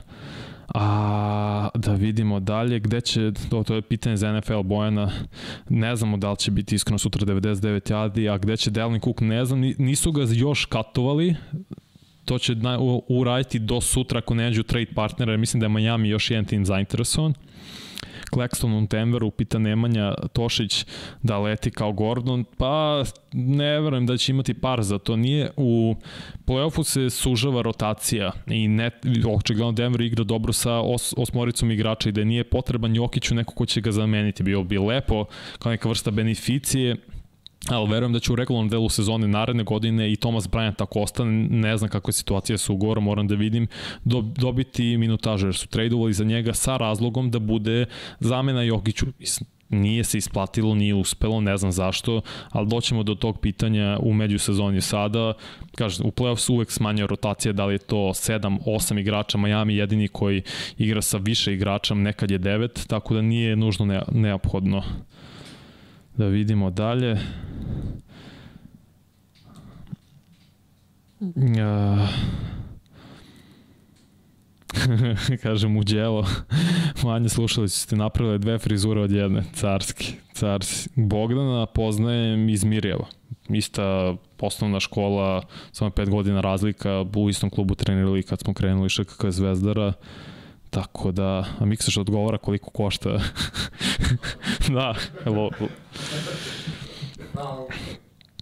A, kako Miami kaže Satan Satanski, ako dobro čitam ime od gospodina, kako Miami lepo namesti da Mari, Mari čuva Butlera i samo lagani prodor mora Denver da poradi na tom preuzim u suštini da, ali takav je sad nažalost čitav NBA, svi rade preuzimanje i svako gleda kako da iskoristi najbolji match-up ofanzivno za sebe. Ne ispada toliko često da Mari preuzme Butlera, inače da bi da je tako ispalo Butler ne bi šutno 11 od 24 iz igre ili još lošije procenti u prethodnim utakmicama. Tako da Gordon u većini čuva uh, Jimmy Butler i u nekim situacijama mora da dođe do preuzimanja svi koriste mismečeve, tako, su, tako koristi Denver, čim pravi blokove za, u prvoj utakmici, pogotovo za Gordona i onda smo videli mismeč, ostane Vincent, ostane Strus, ne znam, Duncan Robinson i tu je mismeč u reketu i mnogo lakša situacija za Denver da postigne pojene. Tako da svi jure match-upove, samo je cilj, to je zapravo ono što odlučuje ko će pobediti, jeste ko, naj, ko će najbolje iskoristiti potencijalne mismečove koje stvori nakon blokova, nakon preuzimanja, to je čitav NBA i sada, da se juri mismatch konstantno. Priča se, pita Stefan 96, uh, priča se da Harden u Sance mišljenje, ne znam, ne znam šta je plan, uh, oni su, rekli smo, su angažovali Frank Vogela kao novog trenera i sad razmatraju sve opcije, priča se da će možda tradovati Dandre Aytona, da, kao što sam rekao, nije još odlučen da će katovati Chris Paul, ali ide se ka tom smeru i vrlo, vrlo verovatno će tako biti Meni se to u suštini ne sviđa. Još jedan igrač koji je toliko dominantan sa loptom pored Hardena i, i Bukera, ok, uh, Dur, po, Hardena Bukera, pored Durenta i Bukera, pardon, ok, Durentu nije nužno toliko potrebna lopta, zašto on vrlo efikasan sa minimalnim brojem šutem iz igre, dok s druge strane Bukeru je potrebna lopta i voli da ima loptu kod sebe. Sad, Harden opet na neki način mora da menja svoj stil igre, ne može da igra konstantno pick and roll, uh, konstantno da drži loptu jedno 16-17 sekundi, naravno malo sada hiperbola lo, uh, malo ko, kod sebe 16-17 sekundi loptu u napadu, već mora na drugačiji način igra, mora da igra stvarno kao klasičan play i da pronalazi ostalo. Nešto slično tome je radio u Brooklynu sa Kyrie i sa uh, KD-em, uh, možda može opet da promeni igru, da se prilagodi tome, ja ga ne bih angažovao, gledao bi u nekom drugom pravcu, popunio bi tim oko KD-a i oko Bukera, potrebni su mi šuteri, potrebna mi je dubina na klupi, potreban mi je centar koji će doneti i dobru energiju i pre svega odbranu i skokove, jer mi ne trebaju nužno poeni to, do, dobit ću to i od KD i od Bukera. Treba mi neko ko će igrati odbranu na, na poziciji centra na jednom vrlo visokom nivou i ko će obezbediti skok, a od ostalih igrača u petorci mi je potrebna kvalitetan šut za 3 poena i možda eventualno play ko može drugi da razigra. Chris Paul je bio to, povredio se stariji, možda sad neko drugi. Da vidimo dalje. A, a, a, a, kažu da je Strus kesa od igrača i uvek bio, pa dobro, imao je ekstropa, imao je Strus a, svoje momente i dobri po, i negativno, limitiran igrač, on je dobar igrač sa klupe i to je to. Ja sam rekao da bi prestavio možda Caleb Martin u petorci umesto Strusa i sa Kevin Loveom da bude, znači Kevin Love, uh, Caleb Martin, Ke, uh, Kevin Love, Adebayo, Butler i Gabe Vincent u tom nekom smislu, ali o tom potom vidjet ćemo. Kakav je po meni decision making, pita Stefan Vujević, Mareju. Pa u nekim momentima kriminalan, mislim da se dešava nekad da uđe u brzoplata rešenja i da se previše oslanja na svoje mogućnosti da postigne koša iz maltene bilo koje pozicije, jer stvarno kad ga krene, ne možeš da ga zustaviš, kao što su videli Lakersi kad je postigao koliko 30 pojena za polovreme, sinoć je postigao 20. Kad Mareja ide, što je uglavnom i slučaj, vrlo ga je teško zaustaviti, samo u nekim momentima pretera sa uzimanjem šuteva, jer pomisli ušlo je 3-4 od 5 šuteva i onda naravno dva uzme preteška šuta i omaši, pa onda se posle uh, podari drugima i, i ima mnogo više kretnje u napadu, tako samo u nekim momentima preteruje, ne mogu ništa loše da kažem jer imaju uspeha, jer da on ne igra ovako, Denver ne bi bio šampionski tim. Ja ne slažem se sa Drogbom da Butler mnogo iritira sa flopovanjem. Mislim da ne flopuje skoro uopšte Jimmy Butler. Nije to nije to njegov stil. Pita Milan da li MPG može da igra gore od ovoga. Pa ne bi trebalo, nadam se da ne može. Mislim da samo treba da pronađe svoje šutersko samopouzdanje i da će ostalo i skokovi i odbrana pratiti nakon toga. Da vidimo dalje. Uh, da li treba Christian Brown da dobije više minuti u drugoj utakmici bio dobar defanzivno i par ukradenih imao. Jeste imao je nekoliko ukradenih i donosi super e, energiju sa klupe odličnu energiju s klupe stvarno donosi i defanzivno je maksimalno fokusiran zato što je i ruki naravno i to mu je način.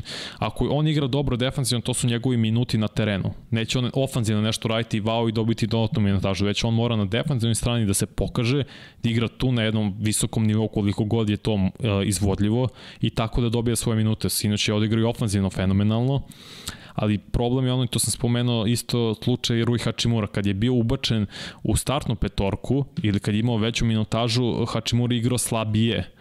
Opet mislim da je pri, da je sasvim ok i dobra je minutaža za Brown da igra oko 20 minuta kao ruki u NBA finalu.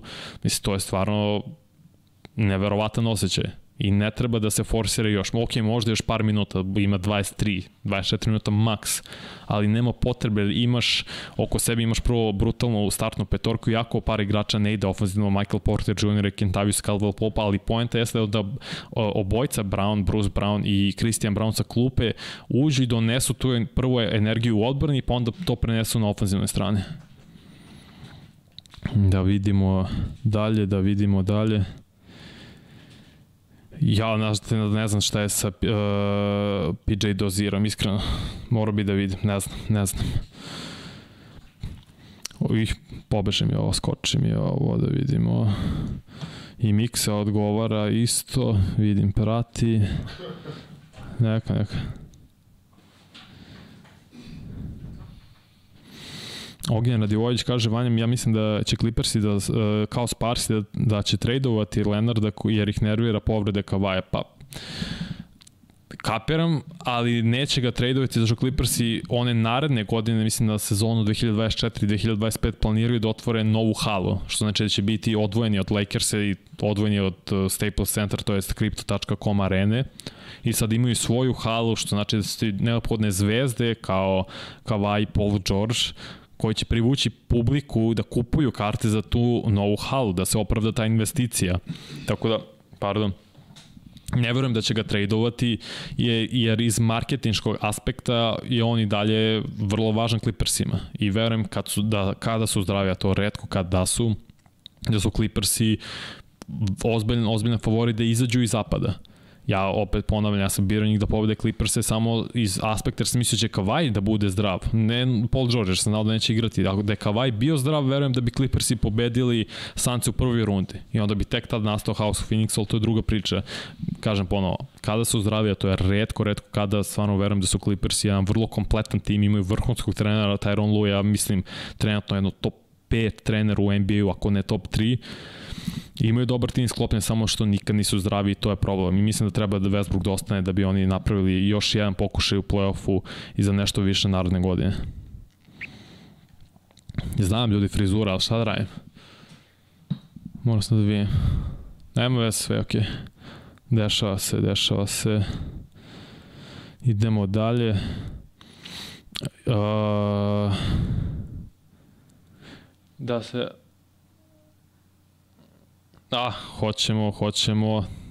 Reći ću im za sunđere, nemojte ništa brinite da se nabave novi. Hvala na tome. Uh, uh, uh, Bojana se dopisuje nešto sa Mixon, da ne ulazim u to sada. Opa. A, a to ti pišeš, ovo ne znam više ko piše, da li Mix ili ti, to je već... Mikser, vjerojatno na plaži. Pa nije sad, nije na plaži, već pošto je noć, pošto 3 sata je razlika u plusu. Sada je kod njih 10-20.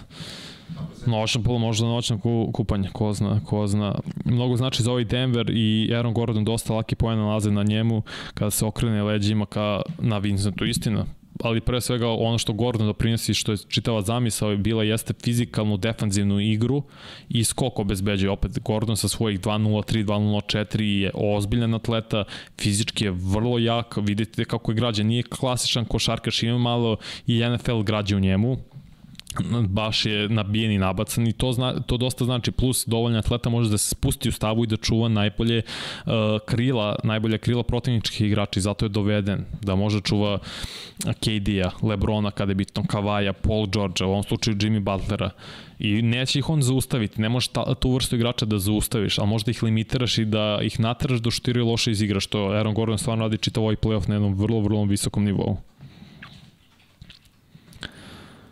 Nije sve u, sta, u statistici, slažem se i zato se ja za statistiku više oslanjam na NFL. Što se tiče košarke, vidiš prosto, znam košarku. To je to je, ne znam kako drugačije da objasnim, ne uzam se toliko u statistiku, već način kako neko igra. Da gledam po statistici nikad ne bih rekao da je Bryant najbolji igrač ikada, ali vidim, po veštini on jeste za mene najbolji igrač ikada, najvešti, najbolji košarkaš. Mislim da to neka vrhunac košarke. Ovi se raspravljaju o tome da treba da se privatizuju sve srpski, svi srpski klubovi. Da vidimo dalje. Opa.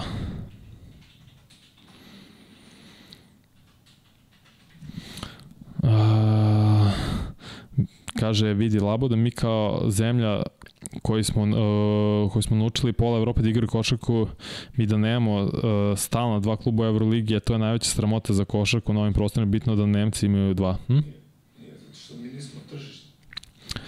Dobro. Ljudi, naravno sve šta god se dešava u svetu, nevezano za sport, pričam generalno za sve, samo pratite kuda pare vode. Jer na kraju krajeva sve se radi zbog para. Da se ima što više para. To je cela poenta, malta ne skoro svako ko ima svoj biznis ili šta god već radi. Znači, kakav god stvari možete da vidite, samo pra, gledajte gde prate pare, gde vode pare i to vam je odgovor na sve. Ali što se tiče ovde smo učili pola Evrope da igra košarku, ok, jesmo. Ja sam to spomenuo par navrata, mi od 61. do 2002. na 40 takmičenja 37 na koji smo učestvovali kao reprezentacija, na 3 nismo zbog sankcija 90-ih, imamo 32 medalje. Ali u poslednjih 20 godina imamo 4 medalje. Očigledno nešto nešto ima kod nas jer ne možeš da mi objasniš zašto je razlog da mi u poslednjih 20 godina nemamo uspeha kao košarkaška nacija, jer svi se dičimo o time da smo mi u košarci to, to i to, da uvek imamo šanse za medalje, da smo svi košarkaški eksperti i tako dalje i tako bliže, ali nešto fali u našoj kolektivnoj košarci. Imamo mi vrhunske igrače, Jokić, Bogdan i da ne nabrajam dalje, Vasa Micić i tako dalje, Bjelica, Kalinić, nevažno, Teodosić ali uh, sad ne, ali fali timskog uspeha. To je ključna stvar i to, u tome je razlika sada. Ne, ne znam zašto je tako, sprem jedan serijal baš koji će odgovoriti pitanje na to. Ne znam zašto je to tako, možda čujemo od eksperata više o tome igrača nekadašnjih reprezentatica, njihovo mišljenje, to mi je čitava i zamisla od celog tog serijala, ali to su činjenice. Znači, to je nešto što je vidljivo i opipljivo samo imao četiri medalje u poslednjih 20 godina. Uh, da li sam pitao Bojan da li sam ispratio ovo za Zajana, ispratio sam i iskreno ne znam šta da mislim, dok ja ne vidim da on to kaže da je istina, mislim sad svi mogu da photoshopuju i da malte ne čak i kopiraju tuđe glasove preko AI-a, tako da ne znam u šta trenutno više da verujem, ali ta čitava klasa 2019. je stvarno kriminalna, mislim, Ja i Zion se trkaju ko će pre sebi karijeru da upropasti, RJ Barrett je solidan igrač, ništa specijalno, Hunter je maltene Bast, Garland je to jedina, jedina, jedna od svetlih ta, uh, možda i jedina svetla tačka zapravo tog uh, drafta 2019. je Culver, Jared Culver zapravo iz Minnesota ništa, Kobe White isto igra maltene s klupe, Jackson Hayes igra s klupe, Hachimura je dobar igrač, Rediš je bast, nažalost, baš goti njegov igrača, vidjet ćemo Cameron Jordan kako će se razvija, PJ Washington isto napravio oni kiks sa nekim, s nekom poznatom uh, devojkom, ženom, celebrity, ne znam šta je, pa mu uzela brda para za alimentaciju Hero kao 13 pike isto ispo kvalitetni igrač, tako da ono, vrlo je upitno to na kraju, taj, ta klasa 2019. Jeste, ja se slažem da to i izveli smo mnogo trenera, neverovatno i da mi uvodimo igrače, ali to je odraz našeg sistema ovde kako se razvijaju mladi igrači u Srbiji, koji su uslovi sve zašto se više klinaca ide u inostranstvo da igra, zašto ovde ili da se razvija u Americi da studiraš, ovde nema uslova, nažalost. Pre je bilo uslova, pre sve bilo timski, pre je bilo orijentisano da ti igraš za reprezentaciju da bi mogao uslovno rečeno da se prodaš većim klubovima, na tržištu Evropa NBA, to je bio preduslov, sada više nije tako, sada nije neophodno da igraš za reprezentaciju da bi došao do tih većih klubova na kraj krajeva do više para. Tako da, nažalost, takva je situacija.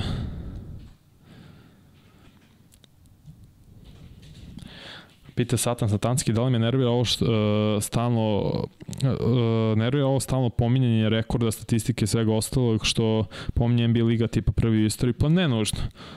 Ne, nužno lepo je videti to, lepo je kad se, o, kad se uh, dešavaju stvari koji su prvi put u NBA istoriji ili ne, neko radio nešto od, ne znam, Vilta ili koga god već.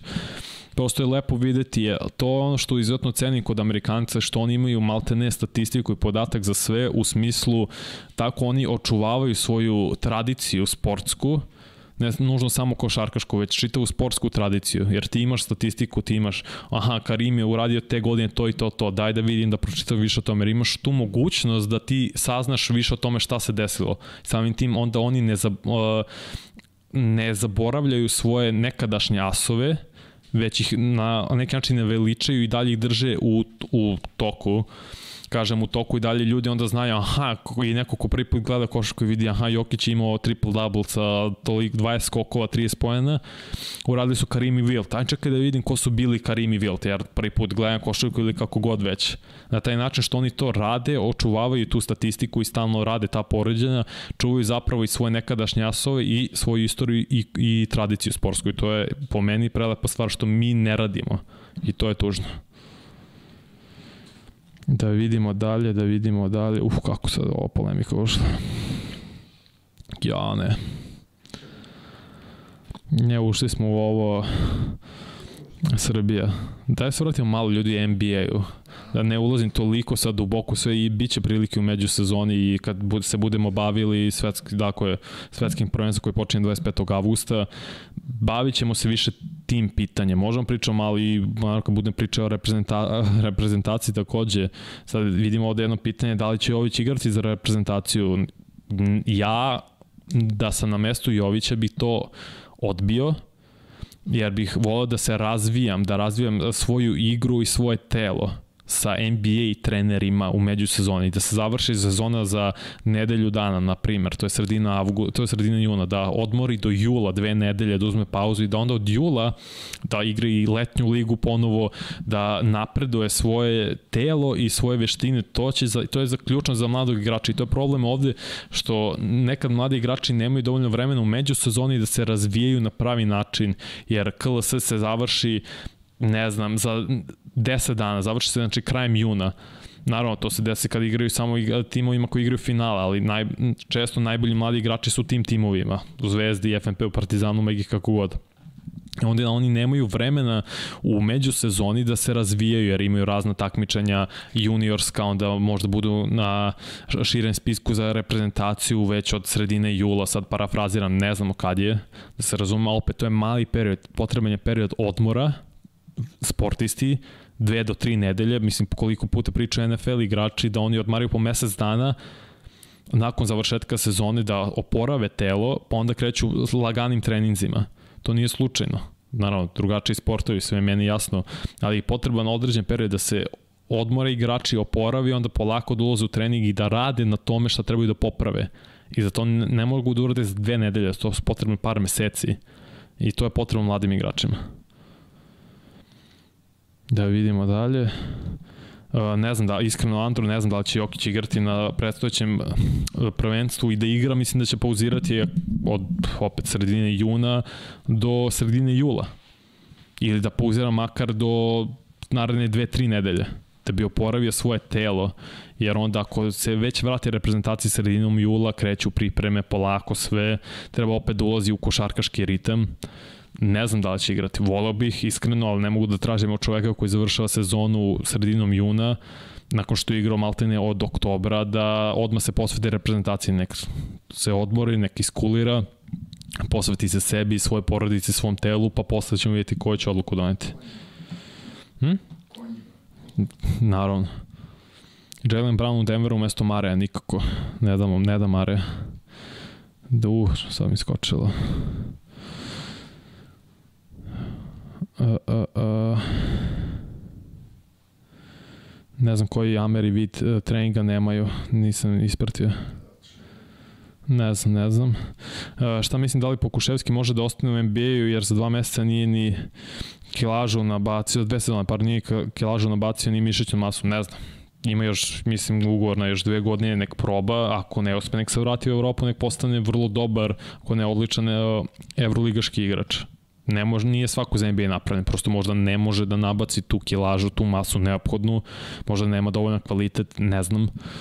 Vidjet ćemo, ali možda i najbolja opcija zaista da se vrati u Evropu, da igra za neki malo slabiji prvo evroligaški tim, pa posle tako da gradi svoju karijeru. Nije smak sve tako ne uspe u NBA-u.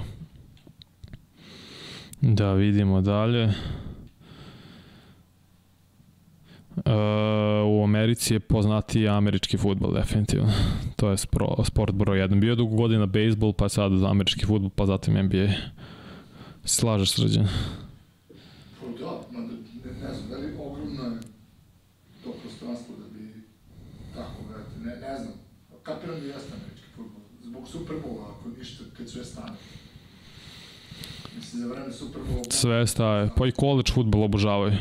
To. Obožavaju. Ne znam, ne znam baš koliki impakt ono NBA finala u smislu koliko, koliko ljudi gleda, koliko ljudi posvećeno kad je Super Bowl, zato što je verovatno jedna tema. Naravno, drugi koncept, skroz, skroz, skroz drugi koncept. Uh,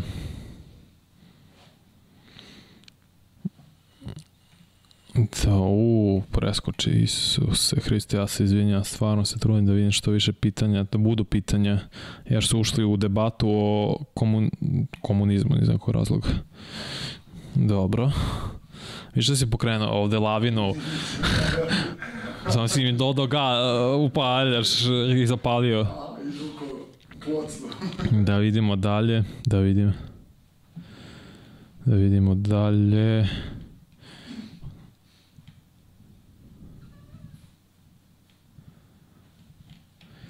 Ajmo ljudi, pucajte sa pitanjima, NBA pitanjima. Aha, evo.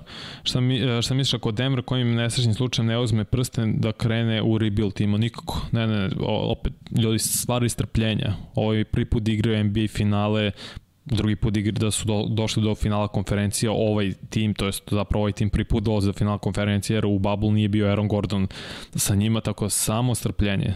U NBA je takav uh, sport napravljen da su neophodni koraci da se ispune da dođeš do NBA titule. Potreban je niz, možda čak i neuspeha. Ja verujem da se Denveru i poklopilo par stvari da u finalu igraju protiv Miami, a ne nuždo protiv Bostona. Jer je mnogo veći mismatch u korist Denvera protiv Miami nego što bio protiv Bostona i da će iskoristiti to sad i osvojiti, jes? Da su Milwaukee.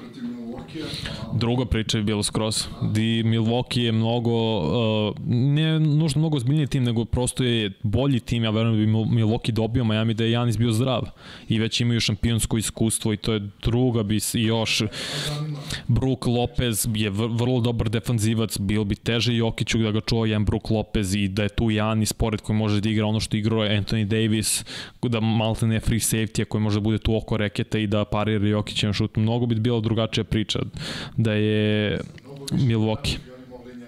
Tako je, bilo bi baš drugačije. I ovo je uspeh ogromni, verujem da će osvojiti i to je opet nekad potrebno da iskoristiš priliku koja ti se ukaže i Zapad je malo u Rasulu, trenutno vidjet ćemo kakva će situacija biti sledeće godine, što je manje važno, jer ne treba u rebuild. Imaš nukleus igrača koji si ti manje više skoro sve draftovo, dove si KCP, dove si Gordona i Bruce Browna, ok, zadržat ćeš ih i praviš se ovim. Uh, Select Baby pita šta bi bio upgrade za Denver za narednu sezonu, ne važno da li uzmu ili ne. To je odlično pitanje i iskreno nemam konkretan odgovor da ti kažem, jer mislim da je Denver poprilično kompletan tim.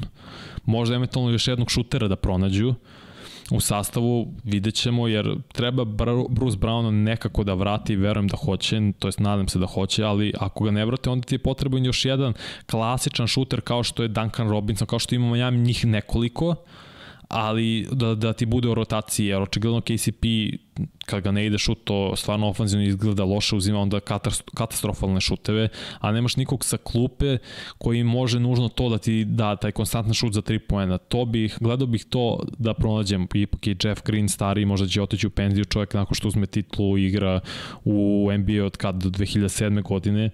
Tako da možda, ako on ode u penziju da gledaju da nađu krilo koje je dobar šuter za 3 poena to zapravo Denveru treba neko ko je konstantan za tri. A, da li je meni bolji futbal američki od košarke? Pa ne znam, ja sam košarku prvo zavoleo. Meni je košarka neko prirodna ljubav, pogotovo NBA. Američki futbol je nekako veštačko stvorenje jer on vezano je za Ameriku, pa sam počeo da gledam i te igram igrice i tako zavolao nikad nisi igrao američki futbol, tako bih rekao da mi je NBA i košarka bolja. A, da vidimo dalje. A, a, a, da li mislim da će Denver postati pita KJ Solo 85 posle ove sezone eventualno titule postati interesantni tim nekim sjajnim igračima u ligi koji će možda u budućnosti tražiti trade za Denver ne nužno. Tržište diktira potražnju u smislu nije ni sada Maj, uh, Milwaukee postao toliko zanimljiv sjajnim igračima, oni dalje svoj drže nukleus zajedno Niko nije izrazio posebnu želju da bude tradovan u Milwaukee, ne javno makar. Uzimam njih kao primjer, su vrlo slično napravljeni timovi i Denver i Milwaukee, opet malo tržište, imaju jednog igrača koje sve vreme sa njima, samo su dograđivali ostale igrače i nazovi delove kao što je Chris Middleton, kao što je Murray, onda su tradili ovi za Drew Gordona, ovi za Aaron Gordona, za Drew Holiday, pardon, ovi za Aaron Gordona, ali doveli Brook Lopeza i tako dalje. Uglavnom su timovi slično napravljeni, ali su mala tržišta i nisu toliko poznati ljudi koji su vlasnici tih timova. Da, ja razumem da je Stan Gronki vlasnik, ali ne mogu da poredim njega i neko kao što je Pat Riley, tako ko nije vlasnik, ko je predsednik košarkaške operacije. U tom aspektu gledam, nikad ni San Antonio nije bio uh, zanimljiv uh, sjajnim igračem, kaže sjajnim igračem, mislim na all-star nivo igrača, već su dolazili kasniji, u kasnijim godinama, u nekim veteranskim godinama su dolazili u San Antonio, ako je San Antonio, pored Lakersa, bio najbolji tim u ligi tih od ono, 2000, to je su 99. do 2013. malte ne. Tako ne verujem da će to da se promeni, da takvi timovi moraju da grade e, draftovanjem svojih igrača njih da razvijaju. A mislim timovi kao što su Knicks i Lakers i Miami, ne znam, Chicago, sad Golden State Warriors i čak u neku ruku, oni će uvek biti atrakcija za superzvezde.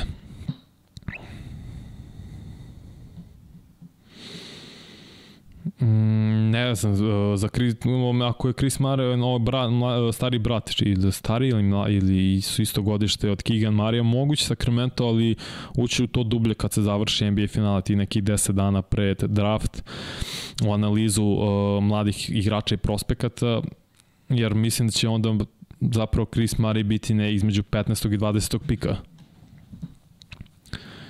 Da vidimo dalje, da vidimo dalje.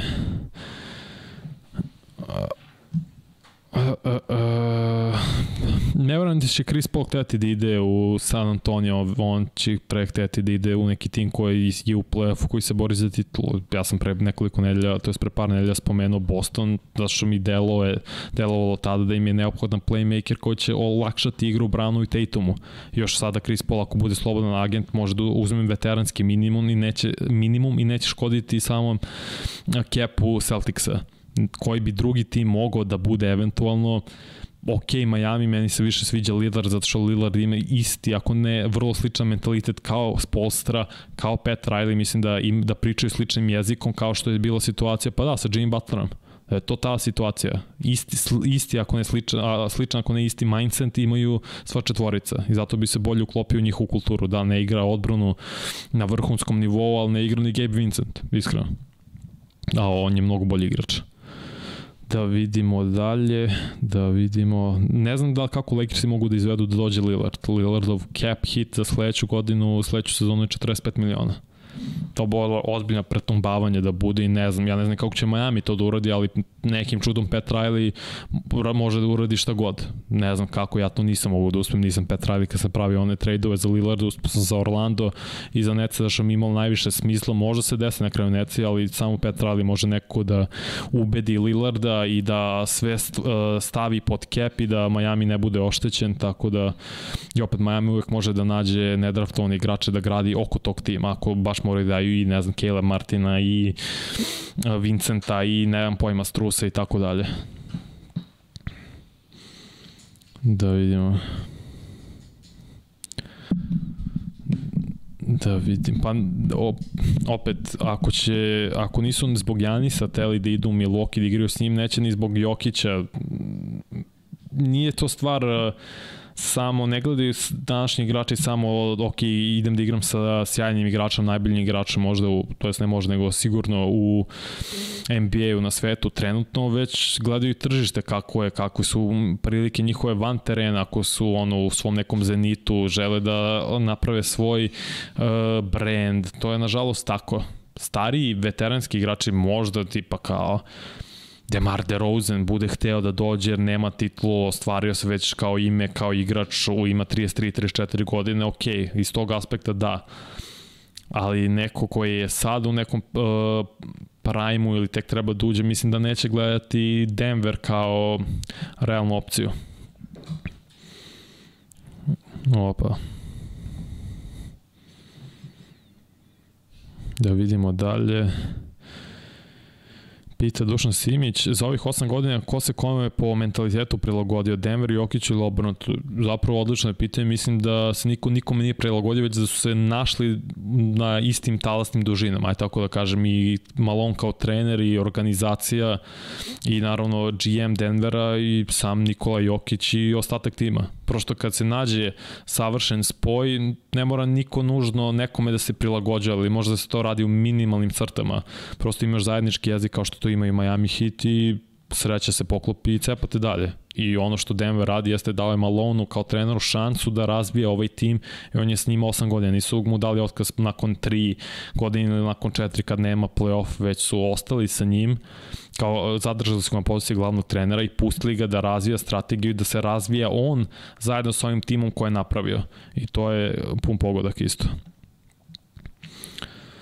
Mm, neće Lillard u Pelicans, to neće Pelicans da se otkače zajedno. Nije ovo toliki skandal, ljudi da se razume. Ono što je Ja Morant uradio je mnogo gore nego ovo. Pa, mm, napravio je dete sa devojkom i onda se javila neka druga žena koja se bavi određenim poslom, je tako da kažem, koja je rekla kako si to mogo da uradiš, Znači, varao si me sa njom, njoj si napravio dete, a svaki put kad su se mi viđali, na, na, na, na, na, na. Nije toliko strašno, stvarno. Ne, ne, ne, ne, samo zegu. -mm. Sad se ona osjeća loše, zato što je možda propustila šancu da bude sa milionerom, ko zna. Mislim, bavi se vrlo upetnim poslom, nevažno je to stvarno. I nije toliko kritična situacija, samo je ona sad izašla javno i ja ne znam da li istina, kažem, sad sve skoro može da se namesti tako da je on rekao to, da se photoshopuje, izmeni glas i sve. Pardon. Neću ti da se bavim što ne znam, i nije toliko strašno. Da, se, da nije izašao javno s detetom, ovo gospođa bi se ne, ne bi se ni javila, ne bi ni znali, tako da ne znam. Da, da, uh, tako je, slažem se s time što si rekao, Jeko. Uh,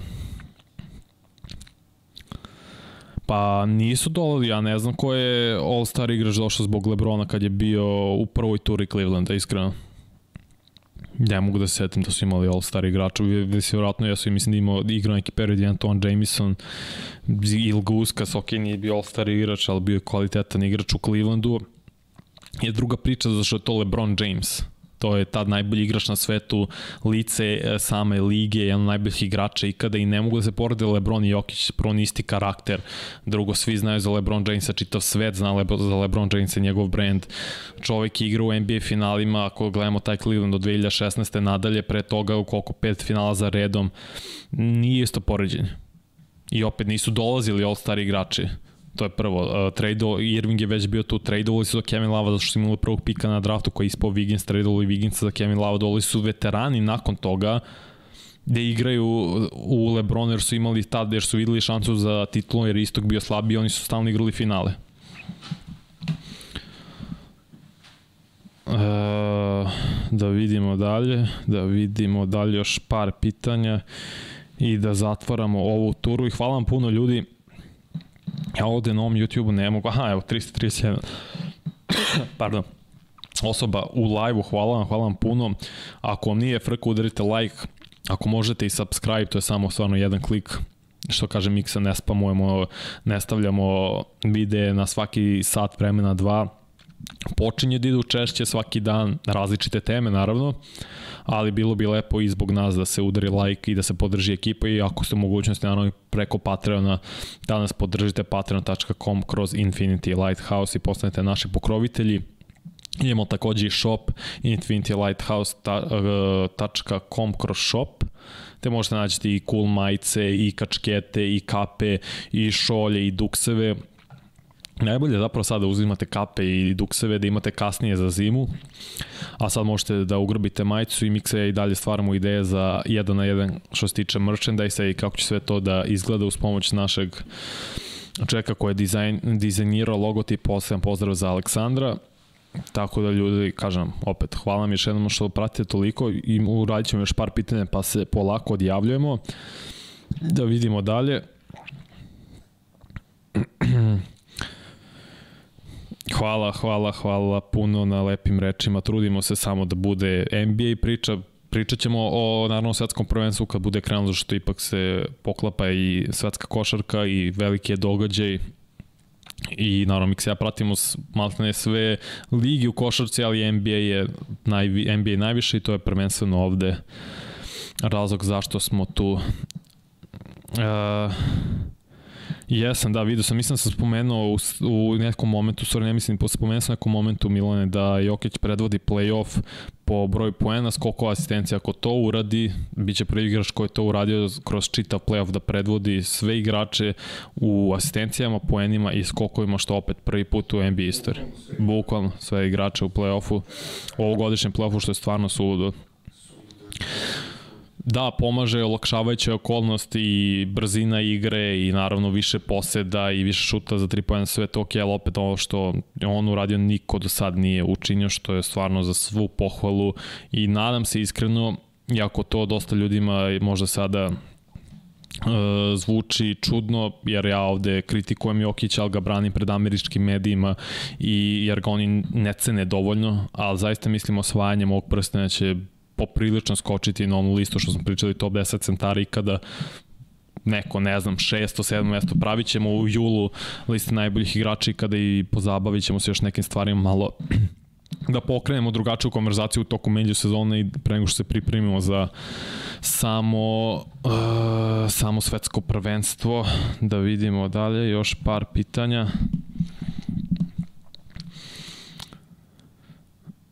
A, a, a, da, ne može da se porede stvarno Lebron i Jokić, pogotovo taj prva ta prva era Lebrona, ta je čitava liga u tom momentu od nekih 2000 ti do, ne znam, 2013. odbrana se igrala po meni na mnogo višem nivou. Ajde da krenemo odatle, pogotovo 2000-ih. Da, što ja zovem nulte godine, nulta decenija odbrana bila na mnogo višem nivou, nije bilo toliko brze igre, nije bilo toliko posleda, toliko šuta, šu, šuta za tri šuta, pardon. Nije bilo toliko šuteva za tri poena i samim tim statistika je bila nekom nižem uh, nivou, ne kao 90-ih, 80-ih i tako ili kao sada. Pardon. I sve ono što su radili, ja verujem da bi mladi LeBron James u ovom periodu sad igra beležio triple-double u prosegu s 35 poena. I to uopšte uh, nije hiperbola niti uveličano, to zaista mislim. Ja prosto nisi mogu da zaustaviš ta, ta vrsta atleticizma u njegovih prvih 10 godina u ligi, to je u životu to nisam vidio. Ja mislim zato da je LeBron najbolji atleta ikada kad kombinuješ visinu, kilažu, e, eksplozivnost, brzinu, skočnost, snagu, to je suludo što je on radio. Zato ne mogu da se porade.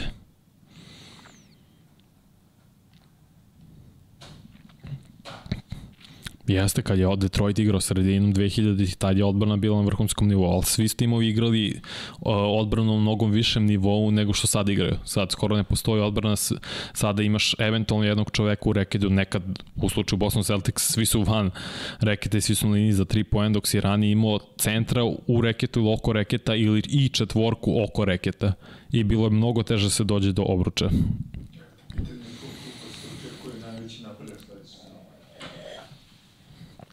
A, od kod kluba se očekuje najveći napred NBA? Hmm, pa gledao bih ka Orlandu, gledao bih takođe i ka Pelikancima. Ako, kad su, ako su zdravi. Ako su zdravi, Pelikanci mislim da mogu da budu ozbiljan, ozbiljan tim na zapadu, jer kad su bili zdravi na početku godine, bili su jednom periodu čak i top 2, ako ne i, i najbolji tim na zapadu u tom momentu dok se još Denver nije probio. Tako da bih gledao isto ka njima, ka Orlandu i, i, i hm, hm, koji tim bi još tu mogao da se ubaci i Oklahoma City Thunder, iskreno.